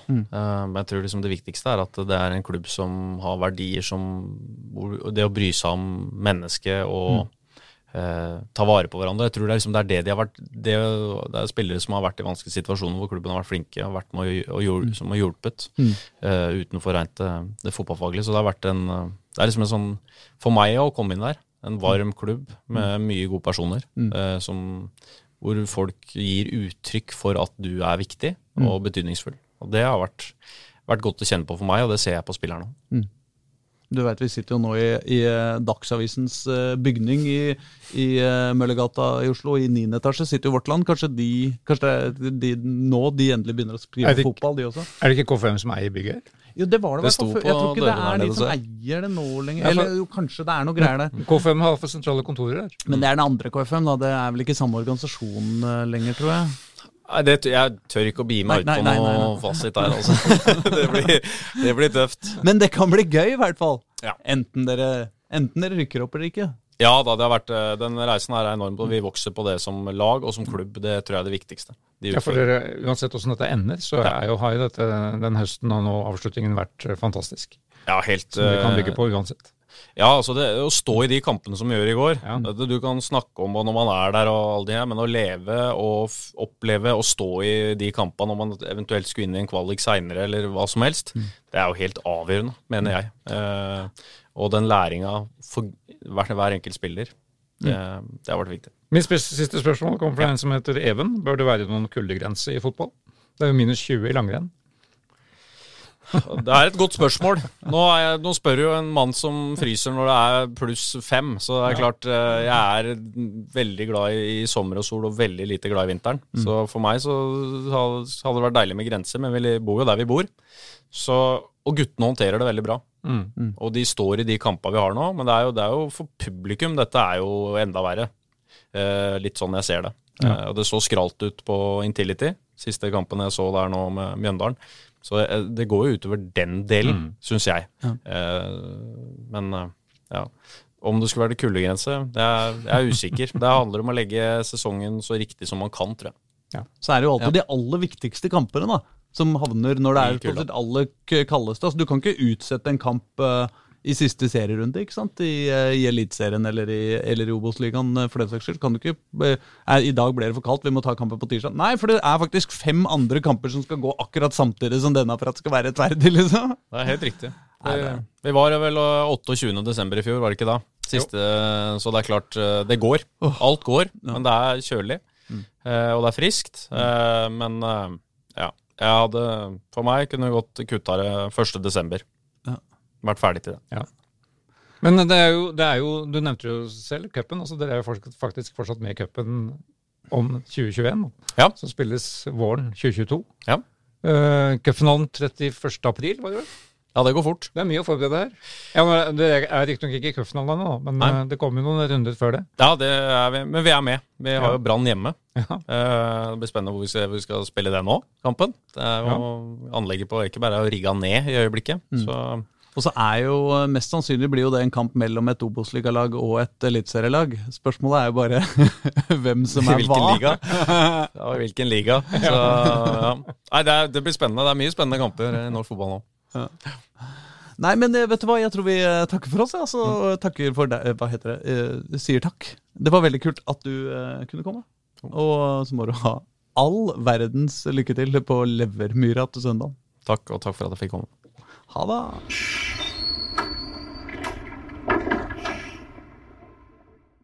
Du har hørt en podkast fra Dagsavisen.